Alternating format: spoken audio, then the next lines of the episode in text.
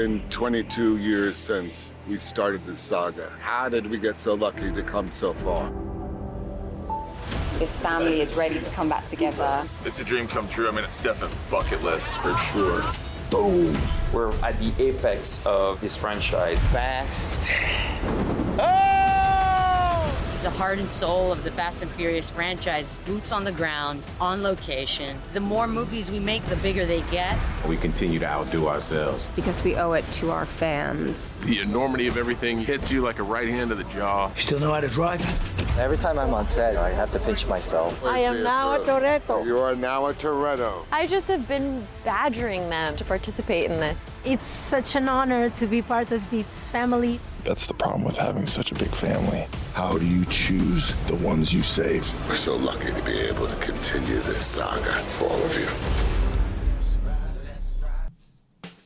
Ćao svima i dobrodošli u najnovije izdanje Lab 76, broj 315, kada već brojimo stvari, pričat ćemo danas o brojevima i jubilejima, želim vam dobrodošlicu, nadam se da ste dobro, a kada je reč o Lemanu i sportskim automobilima, ne postoji bolja osoba od mene da vam kaže šta se desilo u nedelju, subotu, a i u petak smo pričali, gospodin Jan Potkonjak.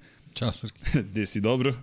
Dobro je. E, imam jedan lep uvod, ali pre toga, naravno, hoću da vam kažem da budite dobri jedni prema drugima, mazite se i pazite se i vozite i vodite računa jedni u drugima, udarite like, share, subscribe, podelite vašu radost, pogotovo ukoliko ste navijač Ferrarija, nećemo da vas čujemo narednih 50 godina. dakle, nemate pravo da se bunite, ali šalu na stranu, želim vam pre svega jedan lep dan, nadam se da ste uživali u Vikidu, spektakularna trka na 24 časa Lemana, ali pre nego što krenemo, da vas pozovem da pomognemo nekim ljudima, kada smo se već okupili lepim povodima, ajmo da podelimo tu radost i neke lepe stvari. Mi smo radosni zato što se desio 24 časa Lemana, nadam se da su Ferrarijevci tu vi zbog pobede, a 1492 poruka na 30-30, 200 dinara košta poruka da pomognemo Jovani, ne samo što treba pomoći ljudskom biću, već i drugarica našeg dragog Mihajla Stefanovića Mikse, pa eto, pokušavamo da svi zajedno dođemo do neophodnih sredstava da pomognemo Jovani.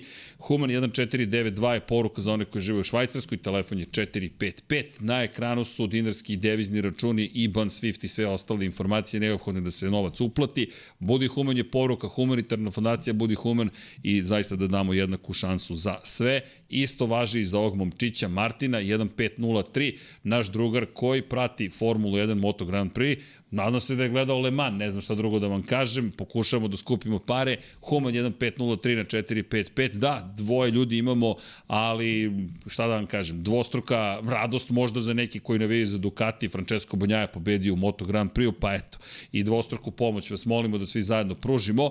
Opet ista poruka, dakle, samo je drugi broj, 1503, 200 dinara, PDV se ne naplaćuje i kažem, ajmo da budemo ljudi, da budemo nežni jedni prema drugima pre svega i da, kažem, uzbudljiv jedno finale Lemana, ne pričamo tako često o Lemanu, ali zašto je naslov magija Ferrarija? Pa bukvalno je u pitanju magija kada govorimo o tome da su svi odjednom počeli da prate Le Mans, sada su svi eksperti za Le Mans, dakle, jeste 100 godišnjica, ali deki, ne znam da li deliš moje mišljenje, mislim da jedan od naslova, prednog naslova mi je bio zapravo dan, za, zašto, to jest, dan za koji žive navijači Ferrarija, pa onda sam razmišljao dan zbog koga navijaju decenijama za Ferrari da bi ga doživeli. I nisam ironičan, 16 godina od poslednje titule šampiona sveta u Formuli 1 Kimijara i Konena i Ferrarija, 50 godina od poslednjeg nastupa na 24 časa Lemana, pola veka Ferrarija i Deki, u jedan čas, e, dva minuta trajanja naše prethodne emisije došao nam je gost iz budućnosti da nam kaže da se desilo upravo ono što smo se pitali. Zamisli ako pobede, ti si rekao polako ljudi, imali su i pol pozicije do sada, teki, Šta da kažemo na ovo? Kakva pobeda? Ne znam. Ovo je bio spektakl u Lemanu u svakom smislu te reče. Krunisan pobedom ekipe koja se vratila posle 50 godina. Pa, sve si sažao lepo. Mislim, u principu to je ono što je trebalo da se dogodi Ferrariju, možda i Le Manu kao takmičenju ovaj, za tu neku budućnost koju planira, ali generalno ovaj, scenario da su hteli da ga ovaj, napišu, možda bi malo bio drugačiji, ali generalno verujem da su svi zadovoljni. Kada je reč o Ferrariju, verujem da su svi tako zadovoljni. Je, tako Ko voli veverice, a navija za Toyota, mislim da će prestati da navija za veverice. Nije šala, Toyota broj 8 zapravo na kraju dustala ispostavilo se s obzirom na činjenicu, žao nam je što su udarili u živo biće, ali veverice zaustavile zapravo njihov pohod ka potencijalnom uspehu nekom, dakle ne, ne mogu sad da tvrdim šta bi se desilo, ali to jeste upravo trka izdržljivosti, to jeste 24 časa Lemana, treba završiti trku, kamoli pobediti u njoj i kao što si rekao, deluju da su svi zadovoljni, rivali imali su pobede, Ferrarija dugo nije bilo i evo, hiperautomobil, pobednički zaista nešto što ja mislim da je moglo da, da se samo sanja, ali nekako scenariju se stalno pisao. Sjeti se prvi, kada, su, kada je Ferrari prvi put rekao ulazimo u Le Mans. Pa da li može da se desi čudo? 1965. je poslednji put Ferrari slavio kada je reč o generalnom plasmanu. Bilo je pobeda u drugim kategorijama, ali u ovoj glavnoj klasi sada se zove ta kategorija, jel te, hiperautomobili, zaista fenomenalno posada broj 51 do samog vrha. Jesi us, koliko si uspio da, da Budan ispratiš koliko po izveštajima? 22 sata. O, ako sada ne kliknete like, ja ne znam kada 22... Pa vidiš da malo teže pričam i dalje. to sam te da te pitam, je bio težak vikend, ali pa znam. jeste. ali šta sam rekao, ko, a, a Smem da otkrijem tvoju ljubav. Dakle, ljubav prema trkanju, a ukoliko negde još uvek imate rasnog trkanja, deki, to je 24 časa Lemana. Ovo nije bila šala. Ja, ne, ne, mislim da je naš drugar Svetomirski rekao, ne pamtim ovakvo trkanje u prvih sati i po u hiperautomobilima. Deki, oni su se stvarno trkali. Nije to bilo čekam da se nešto desi. Ne. Pun gas, idemo u trku, pa ko stigne do cilja, onda da vidimo na kojim smo pozicijama. Kako si pratio? Je li bilo na pet mesta ili...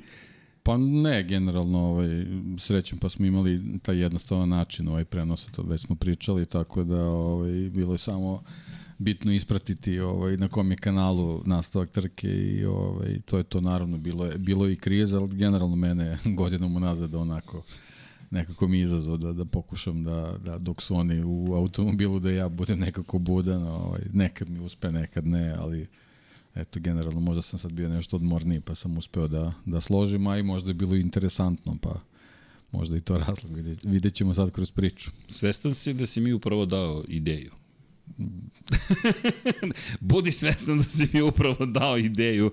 Imam osmeh na licu, a i u sebi još pokvareni. Nabavio sam Diablo 4, nabavio sam i MotoGP 2023. Deki, sad ti kreće moje vežbanje vožnje Moto Grand Prix, ali šalom na stranu, uh, mogu sam da pretpostavim da ćeš biti budan za, za 24 časa Lemana, ali jeste bilo fenomenalno i kako god da ste pratili, gde god da ste pratili, Eurosport je prenosio, inače, da li ste slušali radio Le Mans, nadam se da jeste, kao što smo vam toplo preporučili, ja bih da istaknem par stvari.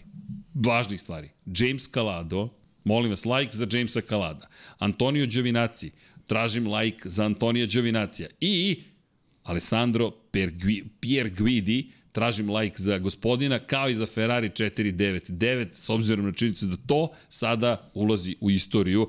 Dakle, ovo je posada Ferrari 499, P da dodam, koja ide u istoriju zaista jedan uspeh koji pričat ćemo sumarno otprilike šta se sve dešavalo tokom trke, ali ne postoji veća priča u ovom trenutku u svetu automobiliza. Charles Leclerc, vozač Formule 1 Ferrari je bio tamo, izjavio je ovo je nešto što ja želim jednog dana da uradim. Bio je tu šef iz Scuderije Ferrari, to jest ekipe iz Formule 1. Dakle, imali smo priliku da gledamo i zvezde velike. Neki su se pojavljivali na finalu Roland Garrosa, konkretno Tom Brady stigao je u Pariz. Dobro, Tom Brady bio i prisutan na Le Mans. Tako je, to sam htio da ti kažem. Bio je pred početak Le Mana prisutan, inače ne, rekao... Ne, samo bio sve vreme na Le Mans. I, i ono što je... A...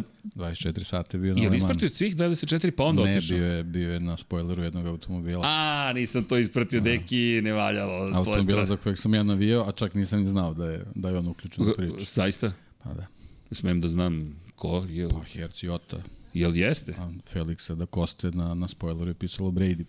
Ne, nisam, zaista nisam, nisam uhvatio taj detalj, ali zato tako si ti da, tu. Svaka čast ovom ja sam Brady. nešto radio tamo u Muđelu, ali činjenica je Lepo da je... Lepo je tako pomagati drugima, ovaj, a ne biti samo onako, kako bih rekao, uh, sebičan i, i neke stvari raditi ovaj, samo za, se, za, za sebe, nego eto tako i pomoći momcima koji su, ono, pričat ćemo, čak su u jednom trenutku i vodili. Tako da... ali, ali, ali prelepo je bilo videti takvu zvezdu. Čovjek ima sedam titula, Super Bowl titula, šest sa New England Patriotsima u NFL-u, jedna sa Tampa Bay Buccaneersima, ali Tom Brady je prevazišao NFL. Dakle, zvezda, zvezda, kasnije je bio u loži Novaka Đokovića na finalu, finalu Roland Garrosa. Ej, čestitke Novaku Đokoviću istorija u istom danu 23. Grand Slam titula. Ne znam ni kako bih to dodatno prokomentarisao, osim da još, ako pobedi još jednom, to je šest godina uzastopnih osvajanja Grand Slam titula da niko ne osvoji. Čisto da saberemo, stavimo stvari u perspektivu, kada dodamo i Federerove, Rodgera Federer tituli i Rafaela Nadala, dođemo do toga da imamo skoro 15 godina da samo oni pobeđuju. Ali, to je neka druga tema, no činjenica da je Francuska zaista bila vrlo zanimljiva juče i još da je bila nek, nekako velika nagrada Francuske u Moto Grand Prix, sve bi bilo u Francuskoj, ali bilo u Italiji, tako da je Mugello učinio svoje. Ali, ali, Ferrari, AF, Corse, Jelte i pobeda, pol pozicija, ok, nisu oni bili na pol poziciji, ali prosto taj utisak mi je najveći kada pogledamo Frederik Vaser kao šef Ferrarija koji je tamo oko je oči javnosti su uprte na 100 godišnjicu pojavljuje se Ferrari osvaja pol poziciju i onda prolazi kroz sve. Evo da neki komentari poslednji pit stop za Ferrari. Ja mislim da nema Ferrarijevca koji nije brojao poslednje sekunde rekao ne sada ne sada samo ne sada. I onaj moment kada se završila trka kažeš stvarno ste uspeli svaka čast. Fenomenalno Pa da, mislim, generalno taj, taj nastup Ferrarija u, da kažemo, toj najjačoj klasi ovaj, na, na Le Manu je mnogo bitan eto iz tih više parametara, pre svega zato što je Ferrari već neki, neki sastavni deo te, te opšte globalne kulture, da, da to tako mogu da kažem. Mislim, on je onako mnogo, mnogo više od, od automobilskog brenda i onda, znaš, kad se, kad se posle dugo godina pojaviš u toj priči, a nešto što trenutno radiš ni, ne, ne ide ti baš na ruku ovaj, vezano za rezultate, onda onda su mnogi oči uprti u, u, u tebi i ne bude lako. Međutim, eto, oni su ovaj, kako god bilo to organizovano na Le Manu, uspeli su da, da ovaj, bukvalno od, od samog početka ne budu u centru pažnja samo zbog te svoje pojave, nego, nego ovaj, i rezultatima. Eto, na kraju taj, taj konačni rezultat je onako bio bukvalno, da kažemo, kao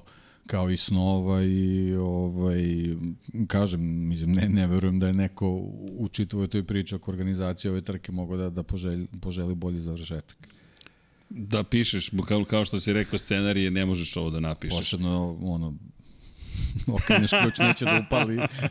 Čekaj, a šta misliš kako izgleda taj trenutak? Da, pa nije im bilo sve jedno, videlo se na licima, stvarno. stvarno. Ovaj, I on, one, one, ovaj, instrukcije sa pitvola vozaču, verovatno i on po, po, po u prilikom komunikacije ovaj, video nervozu ovaj, kod, voz, kod vozača ozbiljnu i tačno se vidio njegovom gestikulacijom kako pokušava da ga smiri da mu objasni šta treba da uradi da prava ponovo da upali auto. Znači stvarno je u tom trenutku verujem da, da, da svi su oni zaljubljenici u Le Mans i pratili su mnoge trke, kroz glavu su im samo prolazili oni momenti onih odustajanja u posljednjem krugu, verujem, tako da stvarno im nije bilo lako. E, juče, inače, spremam spre, post, ajmo, Hasan, ekipa, svi su u komunikaciji i sad, da li da spremaš post ko će da pobedi ili, šta smo rekli u emisiji, nećemo da najavljamo pobedu Ferrari, evo, nismo najavili, ej, moram da ti se pohvalim, ajde, blaga digresija, ja sam zadovoljan mojim izborom, na kraju, a, ti si bio drugi, dakle, ako pričamo o Toyota, dobro se sećam, Toyota si... Da, pretpostavio sam da, Toyota pobedi, da. Da, Toyota druga, ja sam sa mojim izborom Mrla Bembera bio treći, tako da, ej, deki, nije tako loše. Dakle, nismo najavili Ferrari, jer smo znali da će da pobedi, ali da ne bi bilo komentatorske kletve ti si, čestitam, čekaj, bio si uspešniji, ali sam zadovoljan, Cadillac na poziciji broj 3, da ispoštujemo i to da spomenemo, nisu to male stvari, pa, dobro, se da, to generalno, ne mislim, eto, to je, to je sad ta neka priča o tom, tom famoznom balansu performansi, ovaj, neko sve, sve okreće na tu stranu, ovaj, da, da, da je Toyota bila suviše hendikepirana za ovu trku i da jednostavno da to je jedan od glavnih razloga ovaj, za, za neuspeh u stvari ovaj nemogućnost da se da se zabeleži pobeda mislim naravno 24 sata trke je ovaj stvarno mo, može svašta se dogodi ali generalno došli su ovaj na Le Mans neočekivano sa sa onako prilikom priličnim hendi, hendikepom vezanim za za za masu automobila. Ovaj to se nekako i, i videlo kasnije i tokom treninga i kvalifikacija i na samoj trci da, da nedostaje ta neka brzina koja je oduzeta sa 37 kg 37 kg balasta. Kilograma, jeste. Tako da, ajde, da kažemo da, da je to možda ovaj, taj neki razlog i to je onako, eto, ta neka, nemo sad kažemo mrlja na, na pobedu Ferrari, mislim, oni su stvarno ovaj, izvezli gotovo, gotovo perfektnu trku i stvarno je bilo teško da, da, da se ovaj tako neke stvari ovaj poslože tek tako i naravno kao što se spomenuo i ta ta nesreća s tim udaranjem životinje, eto mislim jednostavno mog, moglo je da se desi i, i najboljoj ekipi da sa, sa ogromnom prednosti da se to isto dogodi da, da izgubiš pobedu zbog toga, tako da milion je faktora na Le Manu, ali generalno svi, svi pričaju o tom, tom balansu performansi koji onako prilično, da kažemo, oštetio ekipu Toyota neočekivano, pošto nije, nije bio plan da se to, da se to desi na ovoj trci, ali ovaj, generalno i, i Ferrari je dobio taj neki, neki balast, mislim neki 20 kg, ovaj, Cadillac ima nekih 14-15, čini mi se najmanji balast je dobio Porsche neka, neka 3-4 kg, 3 kg, da. ali eto, generalno se kroz trku vidi da, da, da, ovaj, da, da je možda moglo nešto da bude malo, malo drugačije u, u, u toj čitavoj priči, možda je moglo da bude i, i interesantnije i zanimljivije, ne znam da li bi epilog bio, bio drugačiji, ali eto, generalno mi se treba biti pošten i, i, i to spomenuti, ovaj, Toyota je automobil koji je dominirao ovaj, početkom sezone u, u Enduransu i nekako je bilo i očekovanje da budu glavni favoriti za pobedu i na Le Manu. Je sad opet to su ono, Japanci su klasični ovaj, oni jednostavno vole da, da, da se takmiče onako otvorenog uma i, i srca i sad neko bi drugi možda malo i prikrivao performanse na prve dve trke da, da ne prođe ovako kako su prošli na Le Manu, oni se jednostavno otvoreno trkaju i eto te neke stvari koje bi možda neko nazvao i zakulisnim radnjama ili, ili ne znam, ni ovako ili onako, oni jednostavno ne umeju da izbegnu i onda jednostavno dođu, trkaju se i eto, bili su, i ovaj put su bili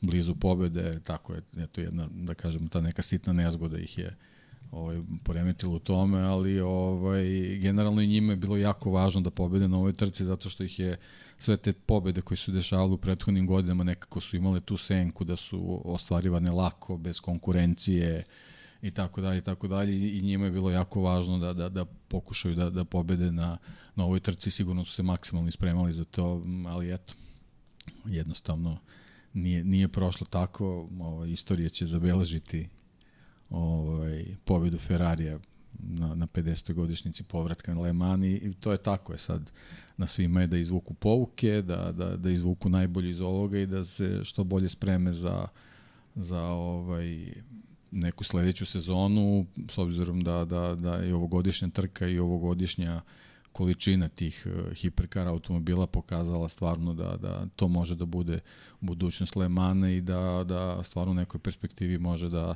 da bude i više od ovih 370.000 gledalaca koliko je bilo na stazi.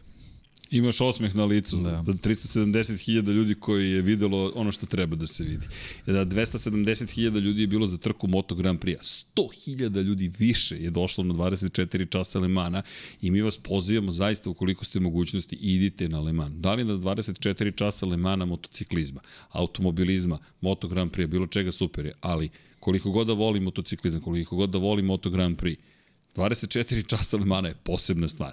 Osetiti tu atmosferu, veličinu tribina, sve što se događa okolo, sam grad kako diše i živi, u centru grada, kao što si rekao, defile, prezentacije vozača, to je nešto što jedino može da se doživi. I pride, da ne zaboravimo, gledamo u pozadini vanjin poster Kobe Bryanta, LeBron James je bio čovjek koji je dao start za trku. Gde je veza, pitali smo se u petak, ne znamo gde je, ali eto, LeBron James će biti zapamćen kao čovjek koji je kao košarkaš dao signal za početak trke. Okay. Pa dobro, da, mislim, generalno to je neka tradicija Lemana da poznate ličnosti mašu sa tom francuskom zastavom na startu. Meni jedino zasmetalo, pošto ovo bilo baš stogodišnjica, mogo je možda neko baš iz tog sveta, neki Jack X ili neki Tom Christensen koji ima ulogu ovaj, Isto ime vozača, u glavi, da, da, da. sigurnosnog vozila ili kako god se to tamo zvalo, ovaj, ali eto, očigledno da je potrebno ovaj, na taj način da se, da se ta neka šira javna zainteresuje za Le Mans, opet s druge strane možda je mogo neki bolji izbor nego što je bio LeBron James, ali ajde, možda neki Michael Jordan, mislim, ne znam, nemam pojma, ali okej. Okay.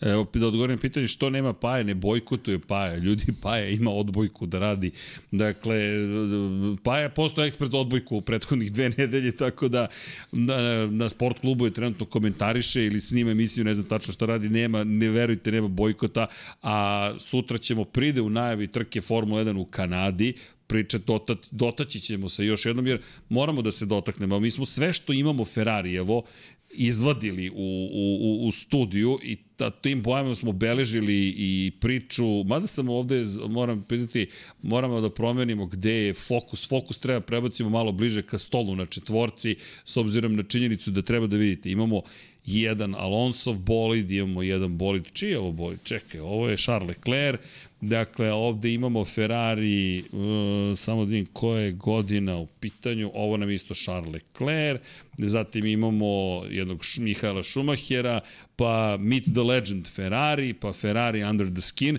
E, taj Under the Skin moment će biti vrlo zanimljiv. Dakle, to će biti vrlo interesantno videti zapravo šta se krilo ispod odeće ovog Ferrarija, zanimljiva rešenja i taj izduvni sistem i jel te produvani difuzor, to je zbog zadnje krelo i tada. Ali to su i delovi činjenici iz Williamsa, ali nema veze, trebalo izdržati evo ih i delovi Twinga, Dekijev Deki nam je sačuvao neke delove Twinga, stavio da. sam ovo Alpinu. To je bila trka izdržljivosti. to da. je bila trka izdržljivosti i kačket je tu i dukserice tu i majica iza Dekija, sve u znaku Ferrari i našli smo ovaj autosport, ne sećam se ko nam je poklonio, koji kaže slavimo 50 godina najboljih u motosportu. Pa ne može bolje da ispadne naslov 50 godina od poslednjeg nastupa. Inače, da li znate, dakle, čitam imena dvojice koje, vozača koje moram priznati da nisam znao na pamet, zaista nisam znao na pamet, Mustang Gregory, Ed Hugus. I ko je bio sa njima u Ferrariju 1965. Ferrari 250 LM, čuveni Jochen Rindt. Dakle, legendarni vozač Formule 1, ali legendarni vozač. I to je taj period kada ste mogli da vidite vozače Formule 1 i na 24 časa Le Mana i to je pa da, poslednja to je, poseda. Izvini, da, to je da. taj, taj deo koji mi smeta, to izjavi Charles Leclerc da će jednog dana probati da vozi Le Mans. To je ti treba to je, sad. To je samo dokaz da kakve su, kakve su trke današnjice, koliko su okrutne prema, prema vozačima, ti njihovi ugovori i, i, i sve, svi ti ovaj, elementi koji su vezani za, za, za, za taj surovi profesionalizam, eto, do, dovode do toga da, da on u svojim najboljim godinama ne može da vozi jednu od, od legendarnih trka iz razno raznih razloga. I to je kaž, neko drugo vreme, kao što kažeš, i sviđa mi se tvoja perspektiva, što govoriš o tome da nije do vozača, već do toga kako je postavljena igra u ovom trenutku, kao da ispada da ne žele da voze. Ne, ne ni ne smeju, niti mogu da voze. Ali bilo bi fenomenalno e, da vidimo zapravo vozače Formule 1, ali ako možemo da nađemo nešto blisko tome. Niko Hulkenberg da, Fernando Alonso da, sada Antonio Giovinazzi kao još jedno lice iz Formule 1 uspeva da dođe do vrha sveta. Ima jedna predivna fotografija kada završavaju zapravo trku i ono što se meni tu dopalo, hvala, to je taj, to je taj moment, sede na ovom Ferrariju 499P, koji je, ovo, ovo je meni jedna od najlepših slika, ovo je baš, iako se redko prave posteri od ovakvih fotografija, pogledajte prljavštinu na njemu. On je preživeo 24 da. časa Lemana. Pa generalno je tradicija da, da pobednici ovaj, trke u Lemanu završe u, u muzeju fabrike, tako u originalnom to, izdanju to. kako su završili trku. Tako je. Jer to jeste testament, to jeste zaveštanje koje ostavljaš iza sebe. Ovo je ono što smo Ovo mi preživjeli. 24 sata. tako je, preživjeli smo i ovako smo stigli do cilja i ako negde bi trebalo to da bude slučaj, to bi trebalo da bude za ovaj Ferrari. Prosto ovo je trenutak u vremenu i kažem, to je taj moment zašto se navija za Ferrari, ovo je razlog zašto se navija za Ferrari iz, iz perspektive ne analiziramo toliko trku, ba, proći ćemo i kroz nju, ne možete da analizirate tako lako 24 časa, ali ono što jeste suština jeste upravo ta emocija. Ja ne smijem da zamislim kako se osjećaju danas navijači Ferrarija, prosto ovo je nešto što toliko dugo čekaju i to čekanje kada dođe trenutak kakvo li je olakšanje, kažeš, pa, to je to? Upravo to, mislim da, da, da su dočekali sa olakšanjem, ali generalno zbog, zbog celog tog stresa koji se dešava sa Formulom 1, mislim da nisu ni svesni ovog, ovog rezultata koji je postignuti, koji će se vidjeti tek, tek kroz godine, a to će osetiti ova trojica srećnika koji su uspeli da, da, da budu za, za upravljačem uh, Ferrarija. Svima su karijere od ovog trenutka obnovljene i mogu da krenu bukvalno putem koji oni žele. A to se upravo desili, kao što se ispomenuo, i Nika Hulkenberga i Fernanda Alonsa u trenucima kad, kad pobediš na Le Manu, nekako se fokus ponovo vrati na tebe, Antonio Đovinaci to najbolje zna sigurno. Da, danas. Apsolutno, danas, da, apsolutno. Inače, pozdrav za Hasana Bratića, ako se pitate odakle nam fotografije. Hasan, ljubav jedna velika i pozdrav za Hasana Bratića i evo komentar kakva mašina od kola naopako. Jeste Muđelo Arabijata, bukvalno je to, a Lazar Plavšić kaže ona Đovinacijeva priča da će jednog dana u Ferrari definitivno mu se isplatila. E, ljudi, nije lagao, stigao je u Ferrari. Možda nije stigao u Formulu 1, ali... Ako, ovo je bio dobar tajming. To je do, baš dobar tajming i, i ovo je filmska priča. Dakle, do, ovo očekujte da bude ekranizovano u jednom trenutku. E sad, ukoliko se u celu priču uključi taj čuveni Red Bull Ford, nekog trenutka dobijamo potpuni Hollywood. A ne bi me čudilo da neko kaže, ej, čekaj, ajde sada da, da pokrenemo tu priču, jer mislim da bi to tek bilo zabavno. Ajmo sad iz početka, Ford protiv Ferrarija, drugi nastavak, the sequel, ali u stvarnom životu, a ne neki remake jeftini ili poluuspešni, ne, ne, nego prava stvar, ajmo da se trkamo, e to je ono što je fenomenalno. Ovo nije rezultat nečega što se neko namestio, bez obzira na sve te probleme i sa balastom i tako dalje. Preživeti je nešto posebno u Le Manu i kad lepo si rekao, ne treba umanjivati uspeh Ferrarija. Da. Činjenica žao mi je što, što Toyoti nisu jasno rekli pred početak sezone dogovor je bio da se balast radi posle Lemana, ne pre Lemana i to jeste mm, pomalo ružan moment, ali bez obzira na sve to kada pogledaš i, i te momente, pa konačno, ko je bio, jel Pergvidi bio u Koponoći okrenuo Ferrari?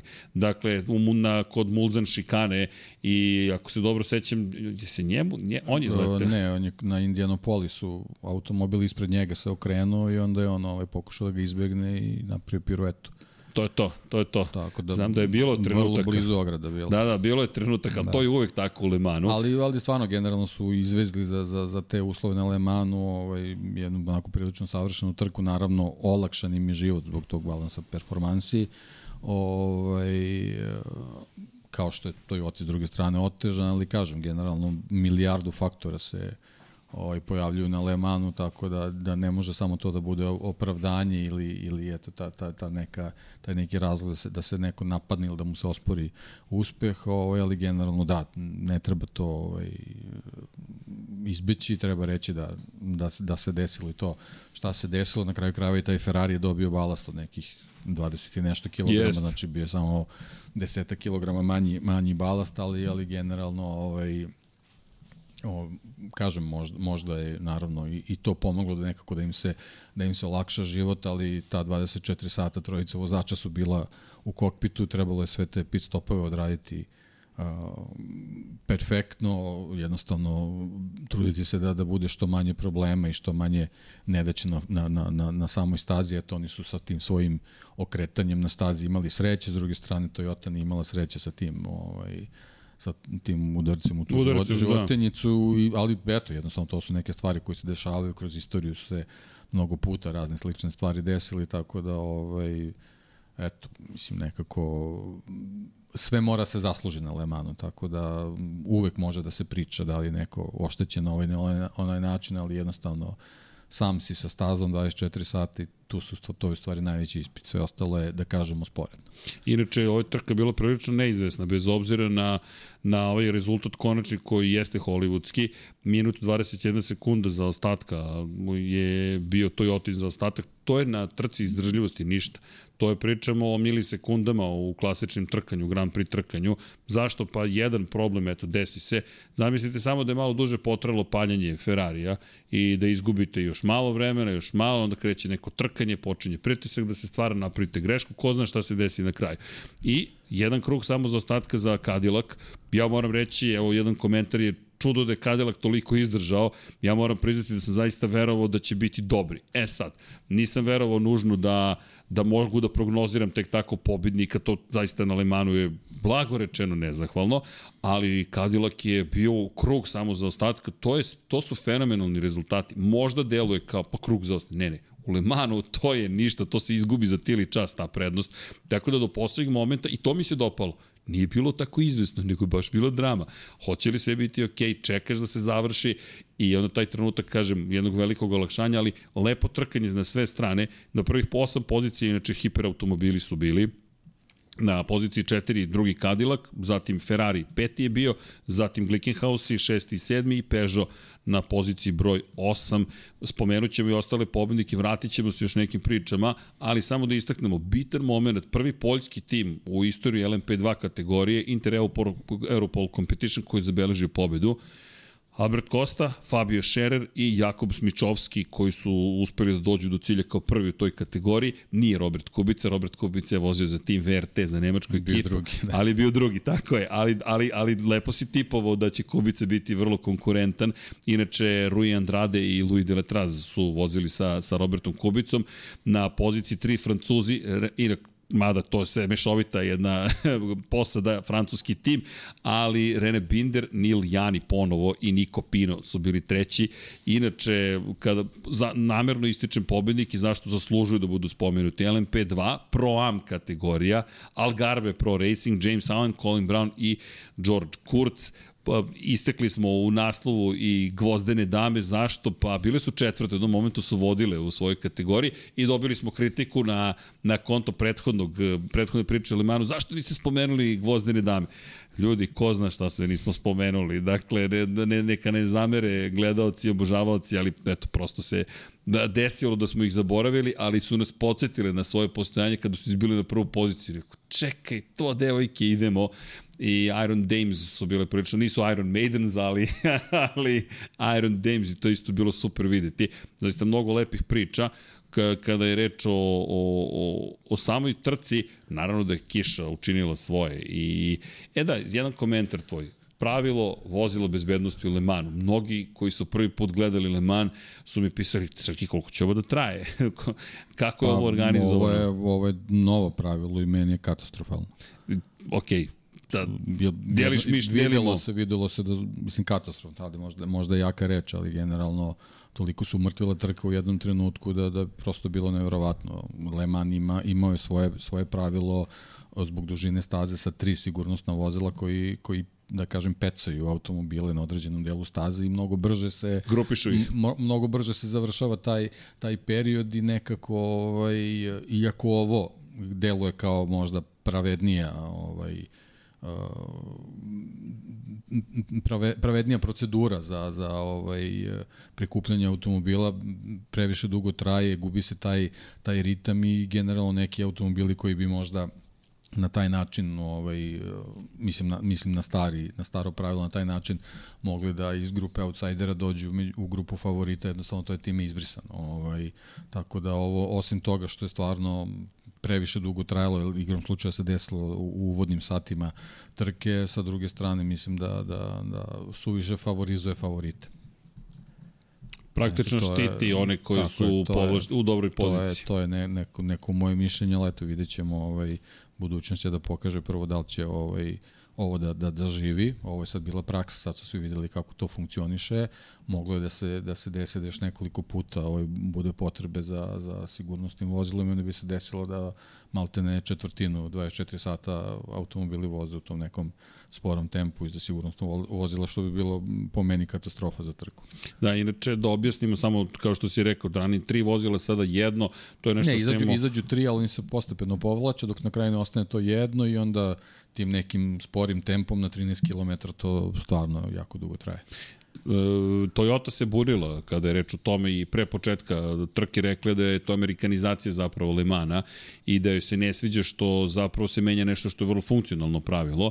Međutim, kao što si rekao, neke stvari se menjaju u pokušaju da se popularizuju sport i tako dalje i tako dalje. I mislim da ovo nije pravi put iskreno. E, zašto se smijem? Zato što ne znam koliko poruka sam dobio na trenutku rekao, ok, ljudi, moram se da objasni da idemo kroz celu priču, ali zaista u jednom momentu predugo trajalo i sediš i posmatraš i kažeš čekaj, ljudi, ovo sad više nije pitanje vozila bezbednosti, ovo je, ovo je, ovo je gubitak trke praktično.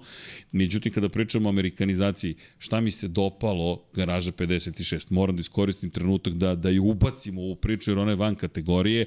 Garaža 56 je je zadobila toliko obožavalaca zapravo, s obzirom na činjenicu da je taj Camaro, ja ne znam koga nije uzbudio. Dakle, kada po pogled Michael, Rockenfeller, Michael Rockefeller uh, kao predstavnik Le Mana, Jimmy Johnson kao predstavnik NASCAR-a, sedmostruki šampion NASCAR-a i Jenson Button kao predstavnik Formula 1, šampion sveta Formula 1 iz 2009.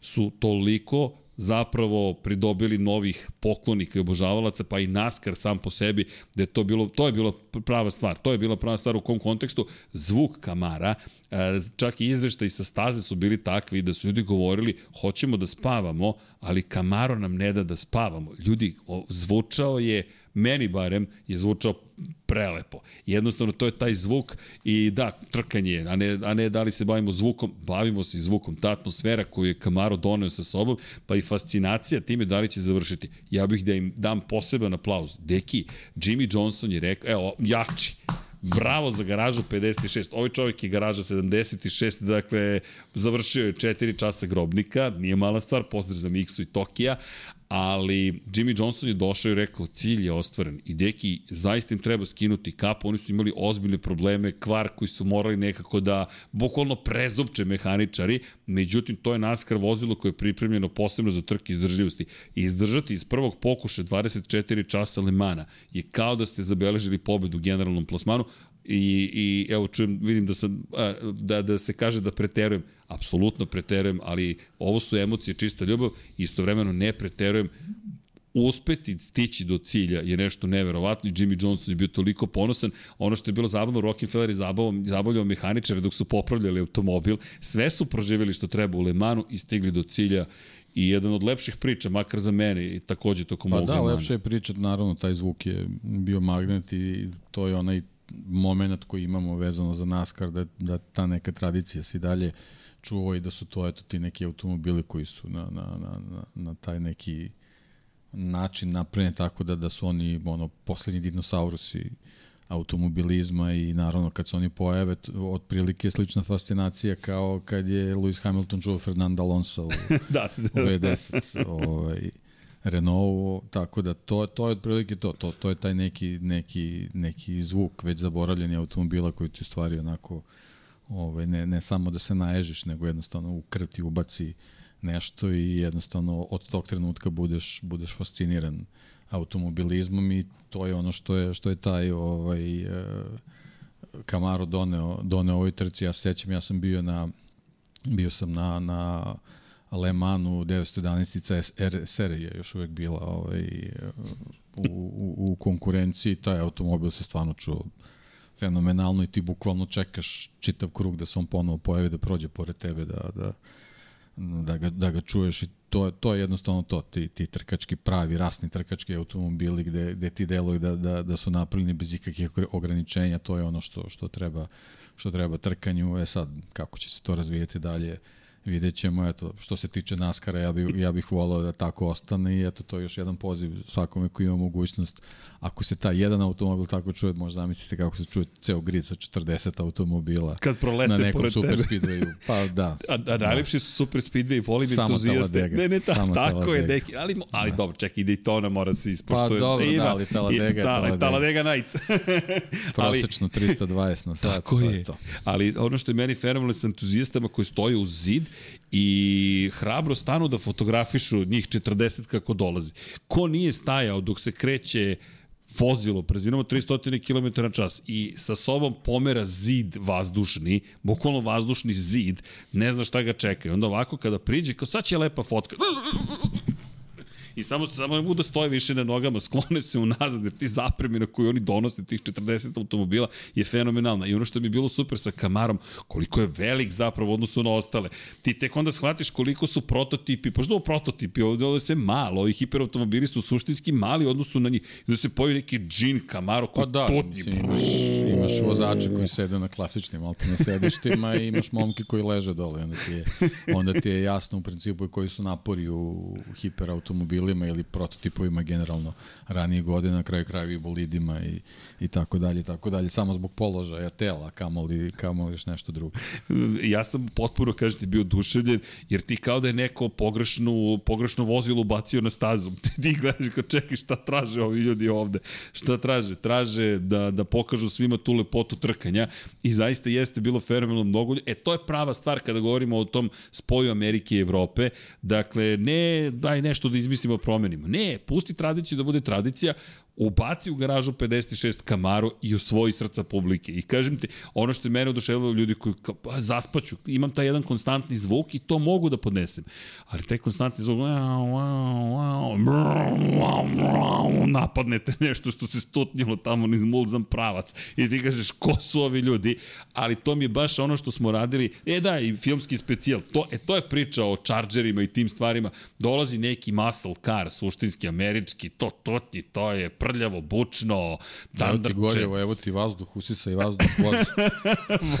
kompresija, ha? Šta kompresija? Pucaj, daj mi veću Pritisni zapreminu. gas, koliko si povukao, povukao si, to je to. I fenomenalno. I nekako, jedan od nežnijih šampiona sveta u celoj priči, Jenson Button, jedan britanski gospodin, zaista, koji je bio umeren, Jimmy Johnson Pa ne, i pazi, Rockefeller. generalno, sad bez obzira što je to napravljeno zbog zbog tog nekog nek, nekog ovaj da da bude što što što atraktivnija ta ta garaža 56 generalno je dobar spoj vozača bio zato što je stvarno bi za jako kratko vreme uh, bilo potrebno da se taj automobil prilagodi Jeste. ovaj učešću Le Manu. I su morali negde negde su uspeli za neki 200 kg da ga olakšaju između ostalog. Ovaj to je super iskustvo. Imaš iskustvo jednog ozbiljnog vozača jednoseda svetskog šampiona u Formuli 1 koji je koji je verovatno bio tu da da da na najbolji način oseti koliko je taj automobil brz u, u, u ovaj u svim segmentima. Onda imaš Rockefellera čoveka koji je ima iskustvo pripreme i testiranja ovaj prototipova za Le Mans, učešće na, na, na dugim trkama, pobedi, spektakularnim udesima, znači bukvalno je čovjek koji je sve prošao na, na Le Manu i takva osoba ti treba da, da, da ti u stvari kaže da li je taj automobil sposoban ili ne ovaj, da učestvuje na trci, šta je možda potrebno još uraditi ovaj, oko njega, a uh, kao treći je čovjek koji ceo život je sa tim automobilima i on je u stvari bio, bio tu da, da prvu dvojicu i upozna sa, sa, sa NASCAR automobilom i filozofijom tog automobila da bi oni u stvari mogli da, da shvate šta je potrebno promeniti da bi taj automobil bio i da kažemo relativno brzo u odnosu na ostale, sa druge strane da, da uspe da izgura ta 24 sata i eto nekako ta kombinacija onako možemo da kažemo da je bila uspešna, bez obzira što sad taj rezultat nije, ne znam kako spektakularan, ali stvarno, je, stvarno je jako bitno da se završi trka, ovaj, posebno što se i po njihovim rezultatima videlo tu nije bilo neki spektakularnih kalkulacija, oni su otprilike vozili te, te, te neke nivoje krugova, mnogo su sporiji bili naravno od, od ovaj, hiperautomobila, ali ali generalno ja mislim da, da mogu da budu zadovoljni. Mislim da nisu uspeli da zabeleže najbolji rezultat u istoriji garaže 56 po plasmanu, ali su tu negde tako da ovaj, mogu da budu zadovoljni. Mislim, generalno, cela, ta, ta američka uh, grupacija vezana za, za Cadillac, uh, ovaj, Chevrolet, potpuno je to, to sve ovaj, uh, funkcionisalo ovaj, kako treba. Pa pazi. Ovaj, i, i, i, i zabeležili su ovaj, sasvim zadovoljavajući rezultati po meni. Bili su zvanično 39 od 40 vozila koji su klasifikovana. 39. pozicija, 57 krugova za ostatka u odnosu na pobednike, ali kao što smo rekli, eksperiment više nego uspeo. U utorak su konačno, to je isto zabavno bilo, pobedili u takmičenju mehaničara u zameni, u NASCAR style zameni guma, tako da eto, odneli su jednu malu pobedu zapravo u Le Manu, uspeli su da, da, da dođu do nekog triumfa, ali sve zajedno ovo što si rekao jeste suština, dakle došli, pojavili se, pokazali nešto, inače to je motor od 5,8 litara, da, čisto da se razumemo, nema tu ekonomije. Dakle, ovi motori, na primjer, Ferrari je pobjednički turbo od 3 litre, ovo je V8, jedan klasičan američki da. automobil i to je to. I bilo je lepo čuti ga i videti ga i završili su trku. Bravo. Zaista bravo. Inače, 40. klasifikovan automobil, Hertz Team Jota, zapravo na poslednjem zvanično klasifikovan mesto Antonio Felix da Costa u Porsche 963 da. zajedno sa Willem Stevensom i je Antonio Felix da Costa, mislim, ja sam u prošle emisiji rekao nekako on mi je bio onako momak za koga sam navijao i on je u svom stintu stvarno pokazao da je, da je vrhunski vozač, posebno za, za ovaj šampionat. On je, on je čovjek koji je doveo da, da, taj, da ta, taj privatni Porsche, jedini privatni automobil u, hiper, u klasi hiperautomobila bude u vođstvu. Tako da, ovaj, što se toga tiče, mislim da je on apsolutno opravdao ovaj, i svoje renome i, i, i apsolutno je u, konkurenciji da, da, da sledeće godine bude po meni, apsolutno bi ga angažovao da se nađe u automobilu koji, koji ovaj, računa na pobedu. E, inače, kada spomenjemo, ajde, eto, u garažu 56 promene, pa sad privatnik i tako dalje, samo bih da napomenem još jednu bitnu stvar, a to je Korvetin uspeh. Zašto ovo istorijski uspeh bio zapravo za Korvetu? Dakle, Korveta je uspela da dođe do triumfa u GT kategoriji, praktično da zatvori jedno veliko poglavlje. Pošto ovo deveta pobeda, ali od sledeće godine mi zapravo više nećemo imati ovu kategoriju. E, mnogi već sada spate što je neće biti, ali makar da samo eto napomenemo da je zaista bilo važno, mnogo incidenata inače bilo na sve strane, uopšte nije bila jednostavna trka iz perspektive incidenata, čak su i naše kolege rekli Fast and Furious i baš je bilo žestoko, međutim Ben Keating, Niko Varone, Niki Ketsburg uspeli su da Korvete donesu i najavljivali smo da je za Korvetu ovo takođe veoma važna trka, ne samo za Korvetu, i za ostalo nekako, moram ti pristati sam Korvetu gledao jer profesionalizam koji posjeduju u toj klasi, posvećenost tom uspehu, me od uvek oduševljavala i evo, uspeli su da dođu naredne godine, to se menja u neku vrstu GT3, ne znam tačno kategorije koji će biti oblik, ti znaš mnogo bolje od mene, ali koliko znam GT3 će biti u osnovi od sledeće godine i opet promene neki koje su u ovoj situaciji dale priliku da se zabeleži jedna, jedna važna istorijska pobeda i bravo pa da, za pa, to što da, su radili. Generalno, generalno promene koje treba da donesu ovaj, omasovljavanje klase u smislu da, da, da automobili budu, budu pristupačniji i da, da što više fabrika poželi da se, da se nađe tu ovaj, iz neke, neke ove perspektive današnje to su to je pre svega, pre svega se misli na Lamborghini i na, i na Huracan ako budu uh, ako budu uopšte ovaj, želeli da, da, da se na taj način priključa ako oni ne krenu sa hiper, s hiperautomobilom ovaj, uskoro, tako da ovaj, biće, biće to zanimljivo, nego eto, jedino što tu je sad malo onako uh, nekako zadrška i to vidim da, da i po forumima ljudi dosta dosta pišu i, i, i pričaju, nekako je tendencija da na Le Manu, to je generalno tim trkama izdržljivosti budu samo klase ovaj, hiperautomobila i GT, GT3 automobila, da, da, da ta neka recimo srednja LMP2 kategorija koja je po meni onako stvarno izuzetna je, je nekako u izumiranju tom, tom svetskom šampionatu i mislim da će sledeće godine biti ograničena na, na samo 15 automobila. A videli smo ovaj ponovo da su bile sjajne trke, eto, nažalost, ta kategorija je došla do toga da, da, da je ono Reka Gibson kombinacija ovaj, naj, najzahvalnija za, za sve ekipe i sad neko to naziva kup takmičenje, međutim ja se ne bi složio zato što je izuzetno važno kako se taj automobil pripremi i kako ta, ta generalna ekipa i posada treba da izdrži 24 sata. Sad, da, da li su to identični automobili, mislim da, da u, ovom, u ovom slučaju to, to nije toliko bitno, ali eto šta je to je, mislim da, da, da, da ne, neće imati neku dužu budućnost na, na, na ovaj, trci Le Manu, eto možda ih sledeće godine gledamo poslednji put, ali generalno i ta kategorija po meni ovako izuzetno zanimljiva, gledat ćemo ih u nekim drugim šampionatima, ovaj, tako da ovaj, eto, što se tiče Digete trojki, Da, mislim, vidjet ćemo ko će sve od fabrika da, da, da, da se priključi tom programu, ovaj, što možda može da bude mač sa dve oštrice s obzirom da, da ćemo imati mnogo hiper automobila različitih marki, tako da svi veliki proizvođači će se okrenuti ka, ka toj hiper klasi, dok sa, sa druge strane ovaj, verovatno će dosta privatnih timova biti u mogućnosti da se, da se nađe u toj, u toj GT3 grupi. U svakom slučaju imamo promene, pa ćemo sačekat ćemo 2024. da damo neki, neću da kažem sud, nego da vidimo uopšte kako to funkcioniše. Da, da vidimo samo da kako će, ili generalno treba gledati i, i svetski šampionat, gledati i trke u, u Evropi, trke u Americi i otprilike ćemo verovatno brzo dobiti taj neki presek ko će sve, ko će sve moći da se nađe na, na, na, na Le Mans. No, pohvalio bih inače kada pričamo o stvarima koje smo videli, vratio bih se naravno pobedniku Ferrariju, Pričali smo i u najavi da, je, da postoje samo dva proizvođača koji imaju 10 ili više pobeda, 19 Porsche, Audi 13, međutim Ferrari ovom pobedom, ispravimo ili kako grešim, dolazi do 10. triumfa u istoriji Le Mana. To je velika stvar. Dakle, inače ekipa, kao što smo rekli, za one koji ne znaju, 1973.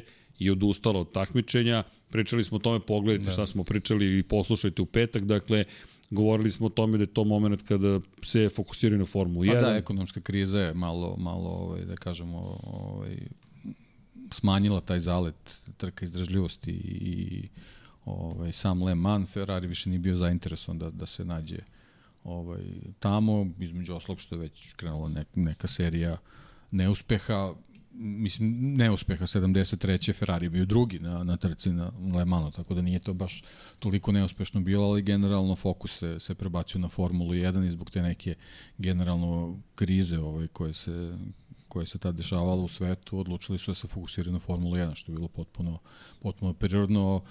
Ferrari automobili su nastavili da se takmiče kao privatni, u, u privatnim timovima ovaj, na Le Manu, ali su vremenom, pošto Ferrari više nije pravio te automobile, kako su zastarili, više se nisu, nisu ni pojavljivali, ali generalno ta 73. se vodi kao poslednje godine kada se Ferrari kao fabrički tim pojavio na, Ferrari, na, na Le Manu. I evo, jubilar na deseta pobjeda 50 godina kasnije. Inače imali su dve ekipe, međutim osvajači pol pozicije, pa, hajde da kažemo, nisu bili te sreće. Prosto. Pa klasičan Le Mans, da.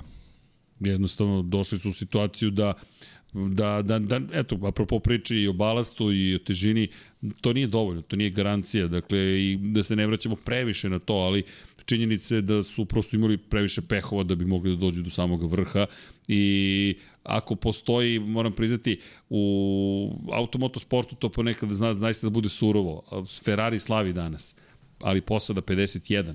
Posada 50 neće biti zapamćena, bez obzira na pol poziciju, i to mi je nekako, to je uvek dualitet tih priča. Gledaš sa jedne strane nekoga ko slavi, s druge strane garaže sedi ekipa koja je srećna. Da. Ali... Neće ih biti ni na slikama. Neće ih biti ni na slikama. ta borba do poslednjeg trenutka sa Toyotom nije, nije dozvolila ekipi 51 da Tako da uspori je. da sačeka drugu posadu da zajedno prođu ciljem tako da ih neće biti ni na fotografijama. I baš sam razmišljao o njima, razmišljam, čekaj, osvojili su pol poziciju, niko nije gledao posadu 51, ni, na, ni u Belgiji, ni u pripremi, svi smo gledali ka 50-ici i razmišljaš, da, postoje, ali uvijek se nekako jedna posada nametne u celoj priči, ova druga bude zaboravljena i ona koja se nametnula, je sada zaboravljena. I evo, ja, ja, ja da, da pitam koliko ljudi, evo u četu neka kaže, je razmišljalo posadi broj 50 Ali to u momentu. Ali to u Ferrariju. Ako osvojiš pol poziciju, teško da ćeš da pobediš. Ovo je surovo. Šarl, ako slušaš, mani pol pozicije. tako je, spremi se za trkački tempo, pusti jedan brzi gre. tako je, tako je. A, to, to, bukvalno se spremi za trkački tempo. E, inače, imali smo donaciju, dakle, čekaj, priča smo se za pobjedu Skuderije Nusmir, zbog odluke o balastu, ovo će pobjedu uvijek imati ono ali. Čini mi se da Toyota nije bila spremna to, kad me nekad put ne vede u Beograd, doniću vam još nekih rekvizita propetog konjića.